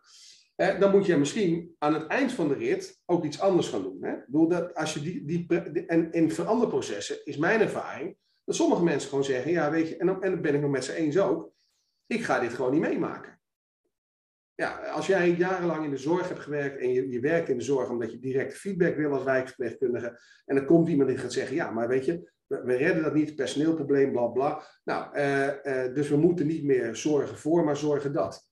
En vanaf nu wordt u geen wijkverpleegkundige meer, maar wordt u regisseur van zorg. Ja, en iemand is 62 en die denkt, ja, ik wil er nog vijf jaar gewoon dit werk heel graag doen. Ja, die gaat uiteindelijk gewoon naar een organisatie die nog niet bezig is met regisseur van zorg, die, die, waar je gewoon als wijkverpleegkundige naar je cliënten toe kan. Hè? Dat is prima, want je past ook niet meer bij de fase van, van de organisatie. Dat moet je overigens heel netjes doen. Het is geen fout gedrag, het is geen oud gedrag, het is gewoon niet meer passend gedrag. Waar het natuurlijk heel vaak misgaat, is dat het hele rondje niet gemaakt wordt. Dus mensen zeggen, ja, we gaan dat en dat doen. En vervolgens, ja, uh, handhaven ze niet hè, op datgene wat ze dan zien. En dan denken ze, oh ja, nou ja, en dus of het is niet goed bedacht, of ze leggen het niet goed uit, of ze gaan te hard. En dat is nou precies, denk ik, waar voor een deel ook adviseurs wel mee kunnen helpen. Doordenk, heb je nou goed doordacht wat de consequenties zijn? Kan je erop acteren? kan je als het je feedbackloop eh, sluiten? Kan je bekrachtigen op het gedrag wat je wil? Want als je uiteindelijk zegt, ja, ik heb wel legitimiteit, hè, want daarom vroeg ik even, is het een goed besluit om dit te doen? Als je zegt, ik heb legitimiteit om dit te doen, dan moet je op basis van die legitimiteit geloofwaardigheid op gaan bouwen van, hé, hey, het gaat ook echt anders. En als je geloofwaardig bent, dan krijg je uiteindelijk ook vertrouwen van mensen die eerst in de weerstand zaten. En dat is eigenlijk niks anders dan weer een patroon bouwen rondom die norm. Ja. Het is dan een nieuwe norm. Nieuwe norm. En, en daarin wil je interactie tussen verschillende mensen, de in-group. En die moeten daar weer een soort van patroon in bouwen. Van ja, als we dit niet doen, ja, dan moeten we afscheid nemen. Dus er zit ergens een straf en belonen in, maar rondom die norm. Nou ja, en daar zit weer in, hè, dat als je dan Voedselsmans en Vergen en uh, Gamers die zeggen, kijk, je hebt regels, uh, conventies en arrangementen. Nou, en laat zeggen, op die eerste twee niveaus werkt dit heel goed. Als het eenmaal een arrangement is geworden, dat, is, dat is vaak weer groepen die langer bij elkaar zijn, waar zelfs, uh, dat gaat verder dan één blik, weten mensen waar ze wat aan hebben, want dat is vaak een conventie. Maar het is bijna, het is bijna lichamelijk geworden. Hè? Je ziet bijna aan hoe die mensen staan ja, die mensen die de 30 jaar al zoveel leidinggevend hebben. Ja, of ja. mensen die dezelfde tatoeages hebben en uh, dat, dat, soort dingen. Nou, dat zit zelfs in reuk en smaak en dat soort dingen. Um, dus embodied noemen ze dat wel. Nou, kijk, als dat zo is, dan moet je dus als veranderaar heel bescheiden zijn. Ook als manager overigens, want dat kan alleen maar hè, of door de groep rigoureus uit elkaar te halen, of hè, door het vanuit, van binnenuit zeg maar, op gang te brengen. En dat kan je wel een beetje nutje, maar je kan het niet van buiten veranderen. Dus ook daarvoor geldt, weer sommige dingen, heb je weer zo'n punt, uh, die zijn niet of moeilijk veranderbaar. Tenzij je hele rigoureuze maatregelen wil nemen. Nou, dat, ook dat is een eerlijk antwoord naar een opdrachtgever. En niet van, ik heb ja, dat laatst voorgesteld hoor. Ik zei, deze groep is, die moet je gewoon eigenlijk uit elkaar trekken. Dit gaat, uh... Maar dat was een soort van sociaal zelfmoord van de leidinggevende. Maar ik dacht, ja, deze groep, hè, dat ik denk is de eerste en de laatste keer dat ik dat gezegd heb, is niet in het vorige jaar, maar heb ik één keer gezegd. En ik was daar ook niet heel lang. Ik zei, ja, als het zo extreem is als jullie het beschrijven, dan moet je deze groep uit elkaar trekken. Ja. Tegelijk, nou, als ze dat niet willen, dan zouden dan, laat ik het als vraag formuleren, hè, en ik ben het volledig met je eens, geen generieke oplossingen voor specifieke problemen. En welke problemen zijn specifiek? Eigenlijk allemaal. Want ze, ver, ze hebben allemaal een bepaalde. Nou, maar ook weer niet. Want kijk, bijvoorbeeld, in, uh, uh, Ernst Gamers heeft één casuïstiek in zijn uh, proefschrift zitten. Het gaat over de implementatie van hechtdraden. Hechtdraden? Hecht, ja, hechtdraden en OK's. Oké, okay, ja, ja, ja. En je zou kunnen zeggen, het perspectief van de. We hebben daar ook een artikel over geschreven. Uiteindelijk samen met de cardiochirurg, de directeur bedrijfsvoering, Ernst en ik. Failures in uh, change management. Uh, en dat, dat was een, dat, het eerste perspectief was, er is een business case als wij gewoon teruggaan in het aantal leveranciers en ook teruggaan in het aantal hechtdraden. Dus een business case van, weet ik wel, 5,5 ton op het niveau van het ziekenhuis. En de raad van bestuur zegt, nou oké, dat gaan we in het hele ziekenhuis implementeren. En wat zie je vervolgens gebeuren? Kijk, de, de, de traumachirurgen, ja, die zeggen bij wijze van spreken, als jij toevallig in de buurt bent, hou jij die, die fles even vast, ik ga nu hechten. Um, ja, die, die gaan gewoon actie. Maar, dus het ging eigenlijk best wel goed met die case. Maar toen kwamen ze bij de cardiochirurg. En die zeiden, zijn ze gek geworden? Ik, sta, ik doe dit werk al 30 jaar. Dit is geen kunde, dit is kunst.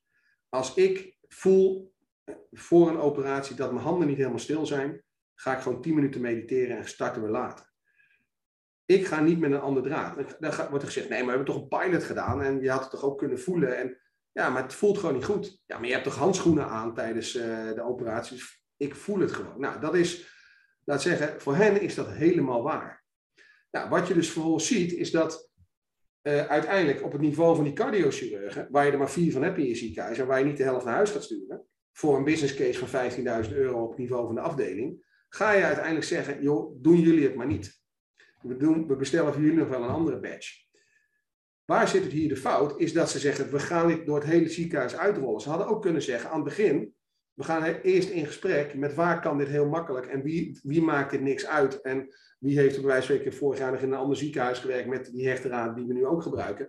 En waar zit het probleem? Dan hadden ze dit gedetecteerd en had je wellicht ook kunnen zeggen, ja, weet je, uh, dat moeten we misschien in 35% van het ziekenhuis doen. Maar deze drie specialismen, die moet je dat niet aandoen. Nou, dan hebben we nog steeds een business case van 500.000 euro. Maar 50.000 euro laten we lopen.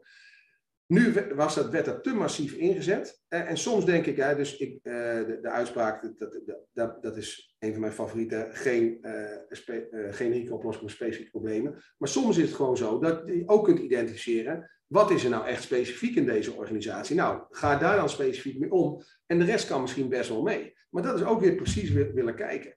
En niet ja, maar dat is ook weer. Ik, ik heb toevallig een, een vergelijkbaar verhaal vanochtend verteld aan de hand van twee filosofen. Maar dat is ook iedere keer de afweging maken: wat is hier het probleem? Dus dan is het ook niet per definitie een generiek probleem. Je komt er na onderzoek, kom je erachter, oh, dit stukje ja. kan generiek zijn. Dus ja, dat is, dat, het gaat juist om die diagnose, om, om aan het begin te kijken van wat kan ik hier nou toevoegen. Ja, dus de, wat jij zegt eigenlijk in je onderzoek is, je, je begint bij specifiek kijken en een uh, conclusie kan zijn uh, dat het voor 80% generiek is. Maar dat is iets anders dan, dan aan de andere kant beginnen. Ja, want uh, in, met alle, in alle bescheidenheid is niet wat ik zeg, is wat jij zegt. Dus ik, ik, ik, heb het, ik vat het dan een beetje, ja. een beetje zo samen.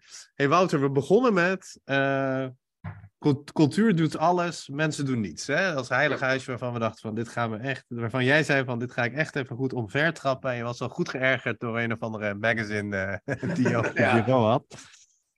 En, en wat, je, wat ik vooral heel mooi vond, is, zij, weet je, cultuur, het bestaat natuurlijk wel, maar het is een metafoor, het is een stijlfiguur, het is een omschrijving.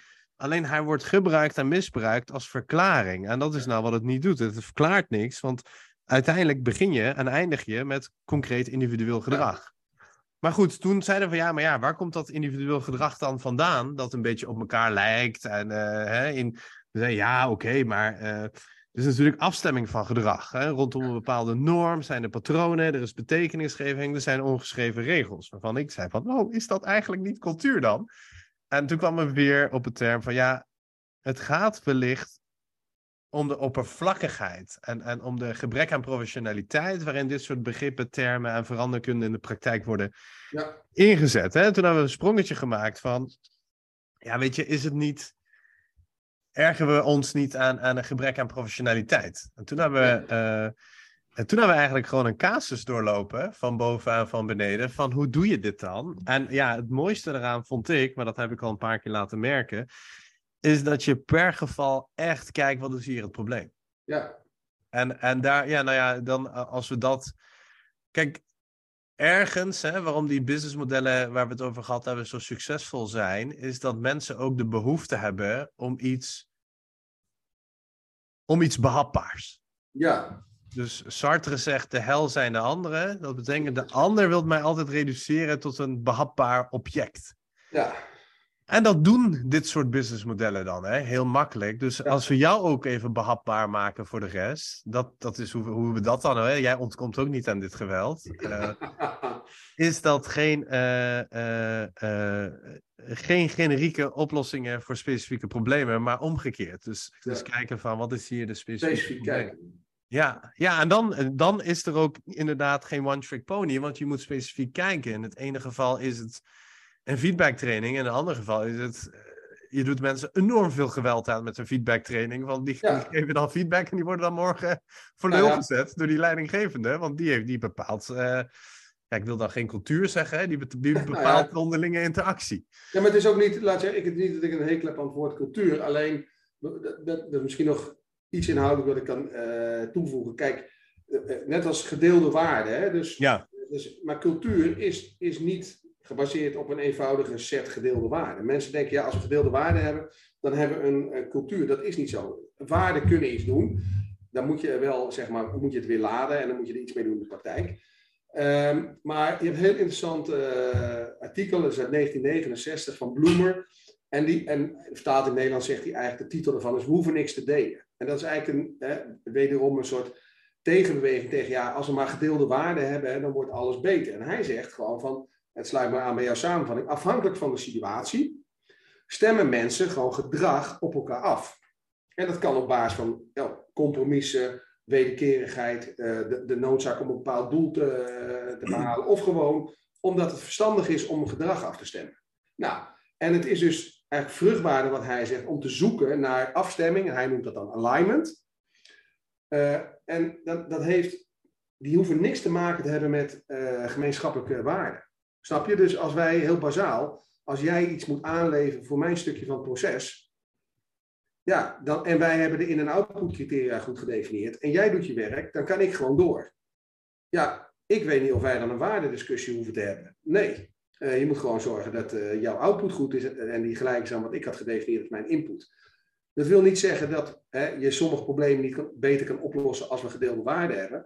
Maar ook weer om hè, weg te blijven bij dat soort vaagheden. Van als we gedeelde waarden hebben, wordt alles beter. Nou, heel vaak als je gewoon je werk beter afstemt, hè, alignment, wordt het beter. Ja, en ik ja maar het zit, het zit hem ook in waar zoek, je de, waar zoek je de oplossing? Weet je, zoek je de oplossing in structuren en processen? Of zoek je de oplossing in dat stukje interactie tussen mensen? Dus je ziet ja. bij internationale bedrijven dat, uh, nou laat ik zeggen, iedereen behalve West-Europeanen. Dus dat is wat wij als de wereld zien, hè? maar iedereen behalve West-Europeanen. En dan neem ik Frankrijk niet mee, Spanje ook niet mee, hè? België ook niet, een beetje West-Europa, Noord-Europa. Ja, die hebben gewoon een heel andere manier van doen. Die hebben gewoon een heel andere cultuur. Op tijd komen, afspraak, individualisme, hoe, hoe ze voor elkaar zorgen is toevallig dat stukje uh, op de aarde waar jij en ik wonen. Hè? Dus wij vinden dat nu al hartstikke normaal. Maar je merkt gewoon, je spreekt met een, met een stel Duitsers eh, af. Je bent er vijf over negen, negen uur af. Ze zijn gewoon weg. Italianen blijven wachten. Sterker nog, die, komt, die komen zelf ook veel te laat. Dus Ja. er is iets in de zin van we blijven hier op elkaar wachten. Of eh, eh, eh, als iemand, we zorgen voor elkaar. En dat is ook helemaal niet omdat het betere of minder goede mensen zijn. Dat is gedrag dat in het verleden is beloond. Ja, maar, maar wat jij zegt, weet je, we zorgen voor elkaar. Maar daar heb je een ander principe. Wat, ehm, ooit werd er een boek eh, geschreven. ehm, Nee, ik zet daar, ik zet daar even iets naast. Hè? Ja. Eh, ja, maar, maar ik wil maar, maar het, het zit ook bij van, ik zorg niet zo heel goed voor mezelf, van anderen zorgen voor mij. Dus ik Ja, wil die paradox wel duiden. Het is minder, er zit geen waardeorde aan. De Nederlander of de Duitser heeft zoiets van, het is mijn eigen verantwoordelijkheid, ik haal mijn eigen broek op. ja, nee, maar dat kost al zoveel tijd en energie, dan kun je niet voor die ander zorgen. Daar is het meer collectivistischer, we zorgen voor elkaar. Dat wil ik er even aan toevoegen. Nou ja, waarbij volgens mij daarbij geldt, hè, dat, eh, eh, dat, en dat is ook, het is niet goed of fout. Het gaat erom, s- snapt iedereen die in een bepaald systeem zit, in een eh, intrinsieke sociale groep, ehm, wat hier de geldende norm is. Hè? Dus Van Dinter heeft een keer geschreven, kijk, je hebt gewoon twee eh, principes. Dat is wij gebruiken elkaar, we helpen elkaar. Ja. Ja, je kan zeggen, joh, je zit in een organisatie waarin gewoon een werkgever dat klinkt een beetje na, maar we gebruiken elkaar. Je bent gewoon werknemer en ik betaal je een goed salaris. Jij moet gewoon leveren. Ja, Nou, en als een van de twee uit balans is, jij betaalt me niet wat ik wil hebben, dan lever ik niet. Ja, en als jij niet levert wat ik jou eh, betaal, eh, dan, dan, ja, dan moet je weg. Ja. Dan moet je niet, dat, dat is heel helder. Als je, als je er allebei instapt, gaat het heel goed. Als je zegt, nee, wij, wij helpen elkaar, dan zeg je, joh, weet je, eh, we zitten hier niet te kijken hoeveel uur we werken. En ik bedoel, mijn salaris is belangrijk, maar ja, weet je. Maar ja, als jij een keer drie weken bij je vrouw wil zijn omdat ze ziek is, dan ga je lekker thuis zitten, dan ga ik echt je salaris niet inhouden. Nou, wanneer gaat het altijd mis in organisaties? Als je denkt, ja, maar wij helpen toch elkaar, want ik geef je mijn ziel en zaligheid en je baas gaat in één keer transactioneel zitten doen. Of omgekeerd, ja, weet je, ik zat hier gewoon heel zakelijk in en dan gaat iemand een beroep op mij doen en die gaat zeggen, maar je kan toch wel even in het weekend ook werken? Ja, hoezo man? Weet je, ik bedoel, en, nou, en dat zie je ook in privé dingen, relaties. Ik bedoel, mensen doen vaak lacherig over eh bepaald type relaties. Maar ik bedoel, soms is het gewoon een transactie. Alleen op het moment dat de een denkt, nee, maar weet je, het is Ja. geen transactie, dan raak je heel teleurgesteld. En dat is, dat is ook weer afstemming en dat het eh, allebei kan. En allebei kan heel succesvol zijn. En, ehm, maar het is heel vaak dat anderen er een, een- iets opleggen van ja, hè, maar wij gebruiken elkaar is slechter dan wij helpen elkaar. Nou, dat weet ik niet. Maar ook dat is, hè, eigenlijk, ja, ik ga nu iets met mijn handen doen wat de luisteraar nog niet hoort. Kijk, bij dat probleem aan oplossing ging het om de match, hè? Ja. Dat is verticaal. En nu gaat het om een soort van ook match, maar in verwachting en communicatie. Ja. Dus eigenlijk wat jij constant zegt is, er moet transparantie zijn over wat je hier aan het doen bent. Ja, En, en dat doe je met volledig inlevingsvermogen. Hè? Dus beste medewerker, ik begrijp volledig dat je geen zin hebt in dit werk wat, wat nu is gecreëerd. Maar dit is wel wat het werk dat er is, dus je moet uiteindelijk weg. ja, Er zit een soort van transparantie in intentie en verklaring. En vanuit die intentie, want er moet, de intentie moet dan aligned zijn met die verklaring. Vanuit die intentie en verklaring heb je ook een toehoorder. Die ook met een, die, die, die, die, die verklaring met de minst mogelijke ruis, want communicatie is altijd ruis, met de minst mogelijke verkla- eh, ruis tot zich neemt en daar weer op handelt. ja. Eh, ja, helaas is de wereld. communiceert bijna niemand zo. Maar ik, ik begrijp volledig wel wat je zegt. Je zegt ja, we zeggen wat we doen en we doen wat we zeggen. En zolang we daar van tevoren hebben besloten van dit is de goede richting, hebben we over nagedacht. En we hebben eigenlijk geen keuze. Er is sense of urgency wil ik niet gebruiken, maar je snapt wat ik bedoel. Ja. Hè? Zolang we dat samen helder hebben, ja, dan moeten we eigenlijk transparant en helder en onderscheiden communiceren en stappen inzetten. Ja, en mensen altijd een fair proces geven en perspectief. Ja. Eh, en, ehm, en kijk, en daarbij voorbij dat punt, kijk, want niet alles is complex en taai. Kijk, sommige dingen zijn eh, eenvoudig en soepel. Alleen, heel vaak willen mensen dat niet horen. Ja, je, ehm, Geef eens een voorbeeld. Ik ben nu, want meestal kan ik iets plaatsen in mijn eigen casuïstiek. Ik ben nu even aan het zoeken. Nou ja, kijk, heel vaak wordt er dan geroepen. eh, ja, maar we- er is hier natuurlijk altijd weerstand. Nee, Mhm. er is gewoon waar we het over hadden. Er is gewoon een aangeleerd gedragspatroon. En er is eh, geen behoefte geweest om te handhaven. Dus je ingreep is gewoon, hè, wat jij eigenlijk zegt. We spreken iets af eh, en we gaan kijken of, de- of we dat doen. En als je dat niet doet, dan word je erop aangesproken. En zo nodig, hè, willen mensen niet horen, maar is er een vorm van sanctie. Ja, Weet je, als mensen dat, uh, als je ze eenmaal in zo'n, dan zeggen ze, ja, maar wat je hier nu opschrijft is wel heel logisch, of is een open deur. Ja, maar open deur, ga, weet je, net als dat een arts zegt, ja, dat je deed zegt, ja, ik heb hoofdpijn, hoofdpijn. Ja, weet je, we kunnen heel ingewikkeld van doen, maar... Uh, slaap je wel genoeg? Hoeveel, ja, slaap je genoeg en drink je wel uh, genoeg water? Dus ja. Je, ja, je moet gewoon zorgen dat je anderhalf liter water drinkt. En dan ga je drie weken later bij die arts komen en dan zegt hij, ja, hoe, hoe is het gegaan? Heb je, heb je anderhalf liter water gedronken? Nee, nee, dat niet. Maar ik heb nog wel steeds hoofdpijn. Ja, weet je, dan kan je natuurlijk als adviseur gaan zeggen... Ja, weet je, je moet allemaal... Hey, we gaan je nu een hersenscan doen en dit en dat. Ja, dat kunnen we daarna ook doen. Hè? Dus het gaat ook weer over... Uh, je kan altijd opschakelen. Maar als je je niet wil houden aan de logische, eenvoudige dingen... Ja, dan kan je ook alles weer complex maken. Dus niet alles is complex in het leven. Ja, ik, ik zeg vaak, maar ik, again, correct me if I'm wrong. Hè? Uh, ik zeg heel vaak, dit is niet complex. Maar het is moeilijk. Ja. Dus een habit loop, ik zeg maar even iets hè, wat evidence-based is, met een trigger aan een patroon. Een habit loop is nul complex. Ja. Het is, ga maar gewoon, hou de dag maar bij, hè, wanneer je rookt. Of wanneer je boos wordt. Of wanneer je geen... Nou, en dan hou je dat bij. Kijk even wat de triggers zijn. Wat voelde je? Wat was het? Wat gebeurde er in je omgeving? Is nul complex. Is wel ongelooflijk moeilijk, want het kost tijd, het kost geduld. Oké, je weet nu wat je trigger is en wat is je patroon. Nou, ik ga dan uh, drinken. Ik, uh, nou, als ik, uh, dan is er een stressvolle situatie. Nou, wat is die dan? Ja, iemand met macht, die legt me iets op. Nou, dat is mijn trigger. Wat is je patroon dan? Ja, eigenlijk wil ik me vrij voelen. Hè? Dat is de beloning die ik eigenlijk wil. Maar het patroon waar ik inschiet is, ik ga heel veel drinken. Voel je dan vrij? Nee, niet echt. Want s'avonds ben ik nog moer, ik krijg ruzie met mijn vrouw. En dan voel ik me nog meer gevangen. En de dag daarna ben ik uitgeput, want ik heb geen gezonde slaap. Nou, dan heb je je trigger, je patroon en je gewenste beloning ontdekt. Nou, wat kun je dan anders doen? Nou ja, iedere keer als ik zeg maar uh, uh, die trigger, iemand met macht, legt mij iets op. Dan ga ik lekker wandelen, want dan voel ik me wel vrij. En dan ga ik gewoon direct naar buiten. Werkt dit? Ja, dat werkt. Dit is de, de complexiteit in het denken. Dit is geen quantum physics. Dit is best Ja. eenvoudig te bevatten. Ja, maar dat, Alleen het is ik- ongelooflijk moeilijk om Ja. het dag in dag uit uit te voeren. Dus ja, ik maar, ja, dat- maar dat is precies wat. Dus je verwoordt het mooi, vind ik. Dus alles wordt heel makkelijk. Ja, het is heel complex. Nou, soms wel. Maar soms is het gewoon moeilijk en heeft het gewoon met discipline te maken. Ja, en bedoel, discipline is moeilijk. Alleen, het is niet van, ja, weet je, ik kan dat niet omdat ik het vermogen niet heb. Nee, er is iets anders wat je belemmert. hè. Het is wat jij zegt. Hè? Het is niet in één keer dat iedereen vijf integraalberekeningen per dag moet kunnen maken. Nee, je moet gewoon uit je bed komen en bij wijze van spreken eh, eh, ontbijten of niet ontbijten of water drinken of weet ik veel wat je moet doen. Ja, en datzelfde geldt in organisaties. Als jij iets ziet gebeuren wat niet conform de afspraak is, dan denk je, ja, ik heb er eigenlijk geen zin in, want ik was net op weg naar het koffieapparaat. Maar je moet er Ja. gewoon wat van zeggen. Dat ik heb een keer gezegd niet van, complex. eh, dan was het duidelijk wat de bedoeling van het werk was. Hè?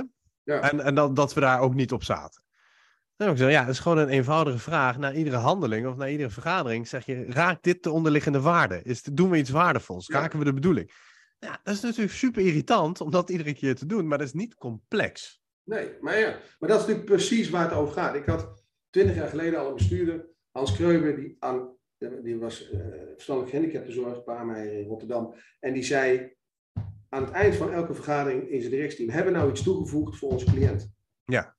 Nou, dat, weet je, als je dat elke vergadering doet en je denkt, ja nee, het ging hier eh, de hele dag over eh, het registratiesysteem. Ja, dan weet je dus dat je niet met de goede dingen bezig bent. Alleen, dat is, eh, dat is ook een vorm van inslijten. En, en heel vaak willen mensen dat niet, want dat, ja, dan is dat te eenvoudig. Hè? Dus hetzelfde dat iemand zegt, die laat mij naar iets kijken en dan schrijf ik het op en dan zeggen ze, ja, wat je nu opschrijft, dat wisten we al.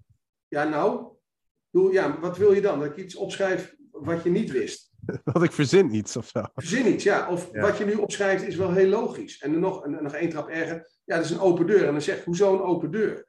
Ja, dit hebben we al vaker gehoord. Ik zeg, oké, maar je laat mij nog een keer naar kijken en ik kom tot eenzelfde conclusie. Dus de vraag is waarom je er niks mee hebt gedaan. Ja. Waarom je denkt dat er iets anders uit zou komen als er een verstandig iemand naar kijkt. En dat is Ja, denk en, en, en daarin verschilt mijn rol denk ik wel iets van die van jou. In het begeleiden van groepen of begeleiden van boardrooms. Ik zoek ook naar iets om ze te verleiden. Dus ik, ik had dat eerder opgeschreven, maar, maar niet benoemd. Hè? Dus eh, ergens, hè, eh, ik, ik pak even een voorbeeld. Eh, bear with me. Eh, Paul Verhagen. Is, is een, ken je die? Ja. Je kijkt er niet blij mee. ja, Nou, die heeft het over twee oerkrachten. ja. Eh, eh, verbinding en autonomie. En dan verbinding aan autonomie. Ja. Dus als, ik kan het wat uitgebreider vertellen, maar gezien de tijd hou ik het ook wat kort. Kunnen we ook gewoon uh, naar de Ja, die, die, die, die microfoon moet natuurlijk om half vijf in Amsterdam zijn. Ja, precies, precies. Dus laten we, laten we gaan afronden. Alhoewel, ik verwacht wel dat de courier iets later is. Maar nee, laten we afronden. Nou, verbinding aan autonomie. Hij noemt dat de twee oerkrachten. Er is een prachtige lezing op het Radboud Reflex, dus daar kunnen mensen uh, naluisteren. Ik heb het dan met die deelnemers erover. Ja, voor een deel zoek je natuurlijk verbinding. Dat is die sense of belonging met dat groepje. Maar voor een deel heb je natuurlijk ook gewoon je eigen autonomie. Dat is dat stukje waar jij, waarvan jij zegt van ja, kom op. de volgende dag vraag even van wat zijn we hier aan het doen. Je bent niet een en al verbinding en je bent ook niet een en al autonomie. Ik kan het even kort. Uh, dan is het van ja, hoe moet ik hier tussen balanceren? Hè, vanuit je opvoeding, vanuit je jeugd heb je een bepaalde neiging. Je hebt, je hebt blijkbaar duidelijk nul moeite met autonoom je standpunt nemen. Dus dan zeg je ook best vaak van ja, het is niet makkelijk, maar dat moet je gewoon doen. Maar er zijn mensen die dat doodeng vinden, om wat voor reden dan ook. He, dus jij zit misschien meer op de autonomie dan op de verbinding.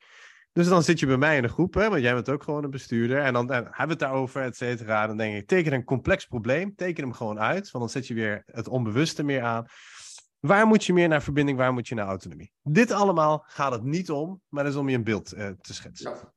Op een gegeven moment denk ik, ja, ik heb nu, met alle respect, ik heb nu zo lang staan lullen dit komt niet meer aan. Hè? En ik heb die sheets getekend. Ik heb gewoon behoefte aan nieuwe taal. Dan laat ik ze met een Aikido Master het juiste midden voelen. Want dan ja, ja. voelen ze die fysiek. Ja. Dus voor mij is het ook, ja, ik snap dat het om dat midden gaat en de twee oerkrachten. Maar hoe kan ik ze verleiden? Dus hoe kan ik, hè, dus ik schrijf bijna nooit rapporten, hoe kan ik nieuwe taal vinden? En dat kan ook fysiek zijn. En die taal aan zich, hè, die betekent niks. Dan moet een onderliggende waarde of bovenliggende bedoeling raken. Ja, dan denk ik, ja, weet je, dan misschien, uh, misschien krijgt die Aikido Master. En dan zegt ze, oh, ja, ik, wij... ik snap nu wat het midden is en wat, uh, wat te balanceren is. Ja, maar ik, wij werken natuurlijk ook op, hè, dus ja, ik schrijf in de weerseltijd schrijf ik heel veel rapporten, nu helemaal niet. Hè. Maar wij werken juist met organisaties, hè, dus ook in interactieve vormen, op, op veranderkleden. Bedoel, bedoel, ik, wij werken ook met de mensen die, uh, die dialoogsessies doen, we doen zelf dat soort dingen. Uh, wij werken ook trouwens vaak met Aikido, omdat heel, zeg maar, heel veel van die principes uit Aikido, ja, dat is natuurlijk waar het heel vaak misgaat. Als jij één basisprincipe neemt en je zegt van ja, hè, uh, je nodigt iemand uit en je beweegt mee met iemand, ja, want tegendruk geven, weet je, als vechtsporter heeft heel weinig zin op een bepaald moment. Maar daarna geef je zelf richting en laat je iemand het zien en je laat iemand met respect los, dan kan je hem daarna weer met respect uitnodigen ja, voor heel veel bestuurders is dat. Uitnodigen, meebewegen, toevoegen, loslaten. Ja, ja. en la, ik laat jou mijn perspectief zien. En dat is wat ik zeg heel vaak. Ja, weet je, als jij tegenover elkaar blijft staan in een verandering, ja, dan blijf je duwen. Maar als jij ervaart dat je naast iemand gaat staan en je, en je kijkt hoe iemand anders kijkt, nou, dat is natuurlijk dat soort dingen, net als, weet je, uh, als je mensen vertrouwen wil laten voelen, ja, laat je een oefening met het zwaard doen. Ja, dat is prachtig. Uh, dus, weet je, wij werken ook heel veel met organisaties. En ik ben heel erg van, hoe kan je nou ook combinaties maken en, en nieuwe dingen toevoegen. Maar wel de hele tijd kijken. Het is niet bedoeld, het mag wel, hè, we doen ook wel eens leuke dingen. Het is geen uitje, we moeten weer terug nee, naar het specifieke kan, probleem. En ik weet, zeg maar, dat, dat, dat is ook, heeft iets, ik bedoel, dat is nu anders dan twintig jaar geleden. Als jij een tweedaagse doet, moet je ook, uh, weet ik nee, prima. Ja. Dat, dat, is prima. Maar, en ik vind dat je een scheiding moet maken. Kijk, voor mij is uh, werken met Aikido, dat is niet een energizer, dat is, dat, dat, daar zit een fundamentele les in. Eens. En, en met elkaar, uh, weet ik veel, synchroon een dansje doen met een koptelefoon op je hoofd. Dat is leuk en dat geeft energie en dat is plezier. Ook belangrijk, hè? Um, maar waar het natuurlijk over gaat, is dat je dingen doet met een idee en waarom het toevoegt. En, en, en wat jij schetst, en dat, daar ben ik het helemaal mee eens, is mensen dingen laten ervaren. Dat is ook waarom het goed is om mensen een plek op een veranderkleed of een sociology kleed te laten nemen. Omdat je ziet want mensen nemen letterlijk positie in en, en zijn met elkaar in contact en voeren samen het gesprek. En ik ben niet alleen maar mijn energie, laat zeggen, naar die groep aan het geven. Want ja, dus is, is, is dit niet. Dan is de, nu is de cirkel ook rond, hè, Wouter? Want we, we zeiden van ja, het, het gaat erom dat het niet een of andere dansje is om het dansje. Niet een of andere uh, kampvuurdans is om het kampvuurdans, ja. maar om de onderliggende bedoeling te raken. Maar is dat ook gewoon niet de kwaliteit van kunnen ontwerpen? Dus ik zat net naar je te luisteren en denk ik, ja, energize is energy. Denk ik, de, is ja, maar die Aikido heeft de toegevoegde waarde. Denk ik, ja. Is het niet gewoon vanuit designprincipes interventies kunnen ontwerpen? Ja, maar dat is natuurlijk wat, wat ze zeggen. Elk vak vraagt de vaardigheid om te ontwerpen. En, en natuurlijk dat is bij ons ook zo. En of, of je dat ontwerpen noemt, ik, ik ben er wel van gecharmeerd. Maar ik bedoel, op zijn minst zou ik zeggen, het gaat over doordenken. Hè? Uh, want heel vaak zeggen natuurlijk opdrachtgevers, ja, maak jij dan even een programmaatje? Nee, ik maak niet even een programmaatje. Dat is misschien wel de essentie van mijn werk. Want daar ontwerp ik uh, wat er allemaal kan gebeuren. Dus ik ja. moet nadenken over hoe landen die mensen hier? Hoe breng ik ze in beweging? Wat is er op tien uur ongeveer gebeurd? Kan ik variëren op dat thema? Um, hoe, hoe werken we in de middag op wat we in de ochtend hebben gedaan? En wat nou als er iets anders gebeurt? En weet je, dus dat, daar zit het grootste denkwerk van ons werk. Eens. Dat je, en, en vervolgens de ervaring en de kennis om binnen alles wat er gebeurt te kunnen variëren op het thema.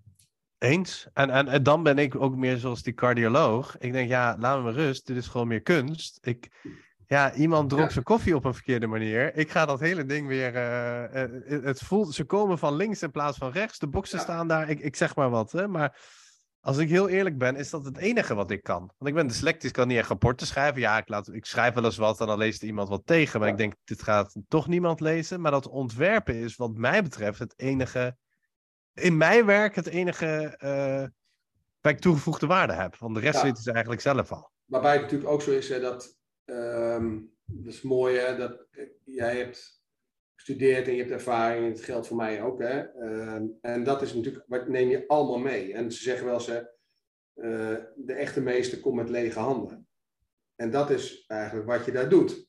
Ja, ja maar je hebt wel een rugzak. Maar je, ja, maar je, je kunt, je, en dat is misschien ook wel uh, wat de ontwikkeling is van een adviseur. Uh, kijk, je hebt van die oude mensen die dan, daar hoor ik misschien zelf inmiddels ook al bij voor sommigen, maar die dan roepen, ja, maar het is vooral een ambacht en dit en dat. Nee, er zit ook gewoon een pad in waarin je moet opleiden en moet snappen hoe een organisatie wordt eh, ontworpen en hoe processen lopen en eh, wat de functie is van een missie of niet eh, en wat een strategie wel of niet is en, en hoe psychologische processen tussen mensen afspelen. En dat neem je denk ik, dat moet je wel een keer ergens geleerd hebben en toegepast en ook hebben gezien wat dat de variatie is. Maar uiteindelijk doe, je, doe jij natuurlijk met alles wat SIA is en ik doe het met alles wat ik ben. Dus het is uiteindelijk zelf er stoel als je bij dat soort situaties bent. Maar tegelijkertijd denk ik, ja, sommige dingen in ons vak moet je ook weer niet moeilijker maken. Ja, als je een organisatieontwerp wil maken, kan ik best vier mensen van het kantoor hier op pad sturen en die kunnen dat prima met iedereen doen. Ja, als jij een patroon wil doorbreken in een organisatie die uh, eh, 30 jaar lang op een bepaalde manier is geleid en nu anders moet uh, gebeuren en je hebt voor het eerst die groep uh, bij elkaar met een nieuwe CEO, dan heb je alles nodig wat jij in 30 jaar hebt, uh, hebt opgedaan. En dan weet ja. je niet wat er nodig is. En ik ga hem even samenvatten en daarnaast de ja. vraag, wil jij zelf nog iets uh, toevoegen? Hoeft niet aan de samenvatting te zijn, mag ook in zijn algemeenheid te zijn. Ik denk dat we, dat we gezegd hebben van, uh, ik pak even bij het stukje vakgebied over, hè, dat zolang je transparant bent, uh, helder en onderscheiden denkt, hè, daarmee empathisch ook instapt in wat gebeurt er bij de ander, in plaats van ja. het weg te zetten, ja.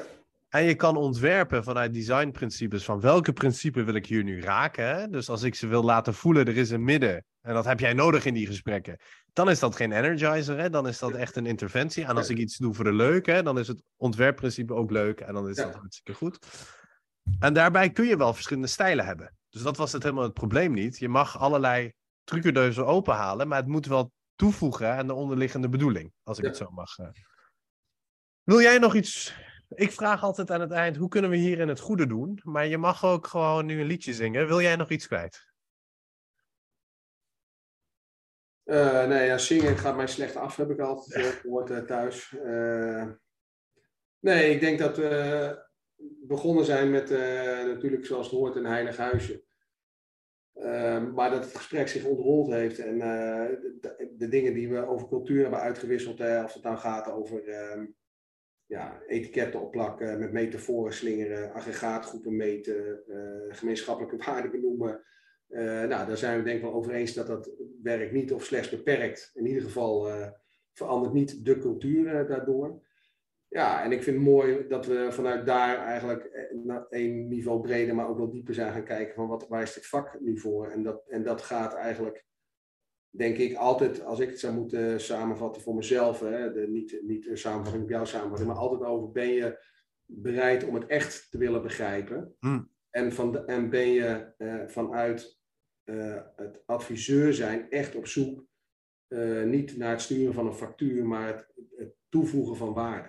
En Ja, als je, mooi. als je waarde toevoegt, dan, dan snapt iedereen dat het ook betaald moet worden. Mooi. Wouter, dank je voor je tijd. Graag gedaan. Was Dank je wel.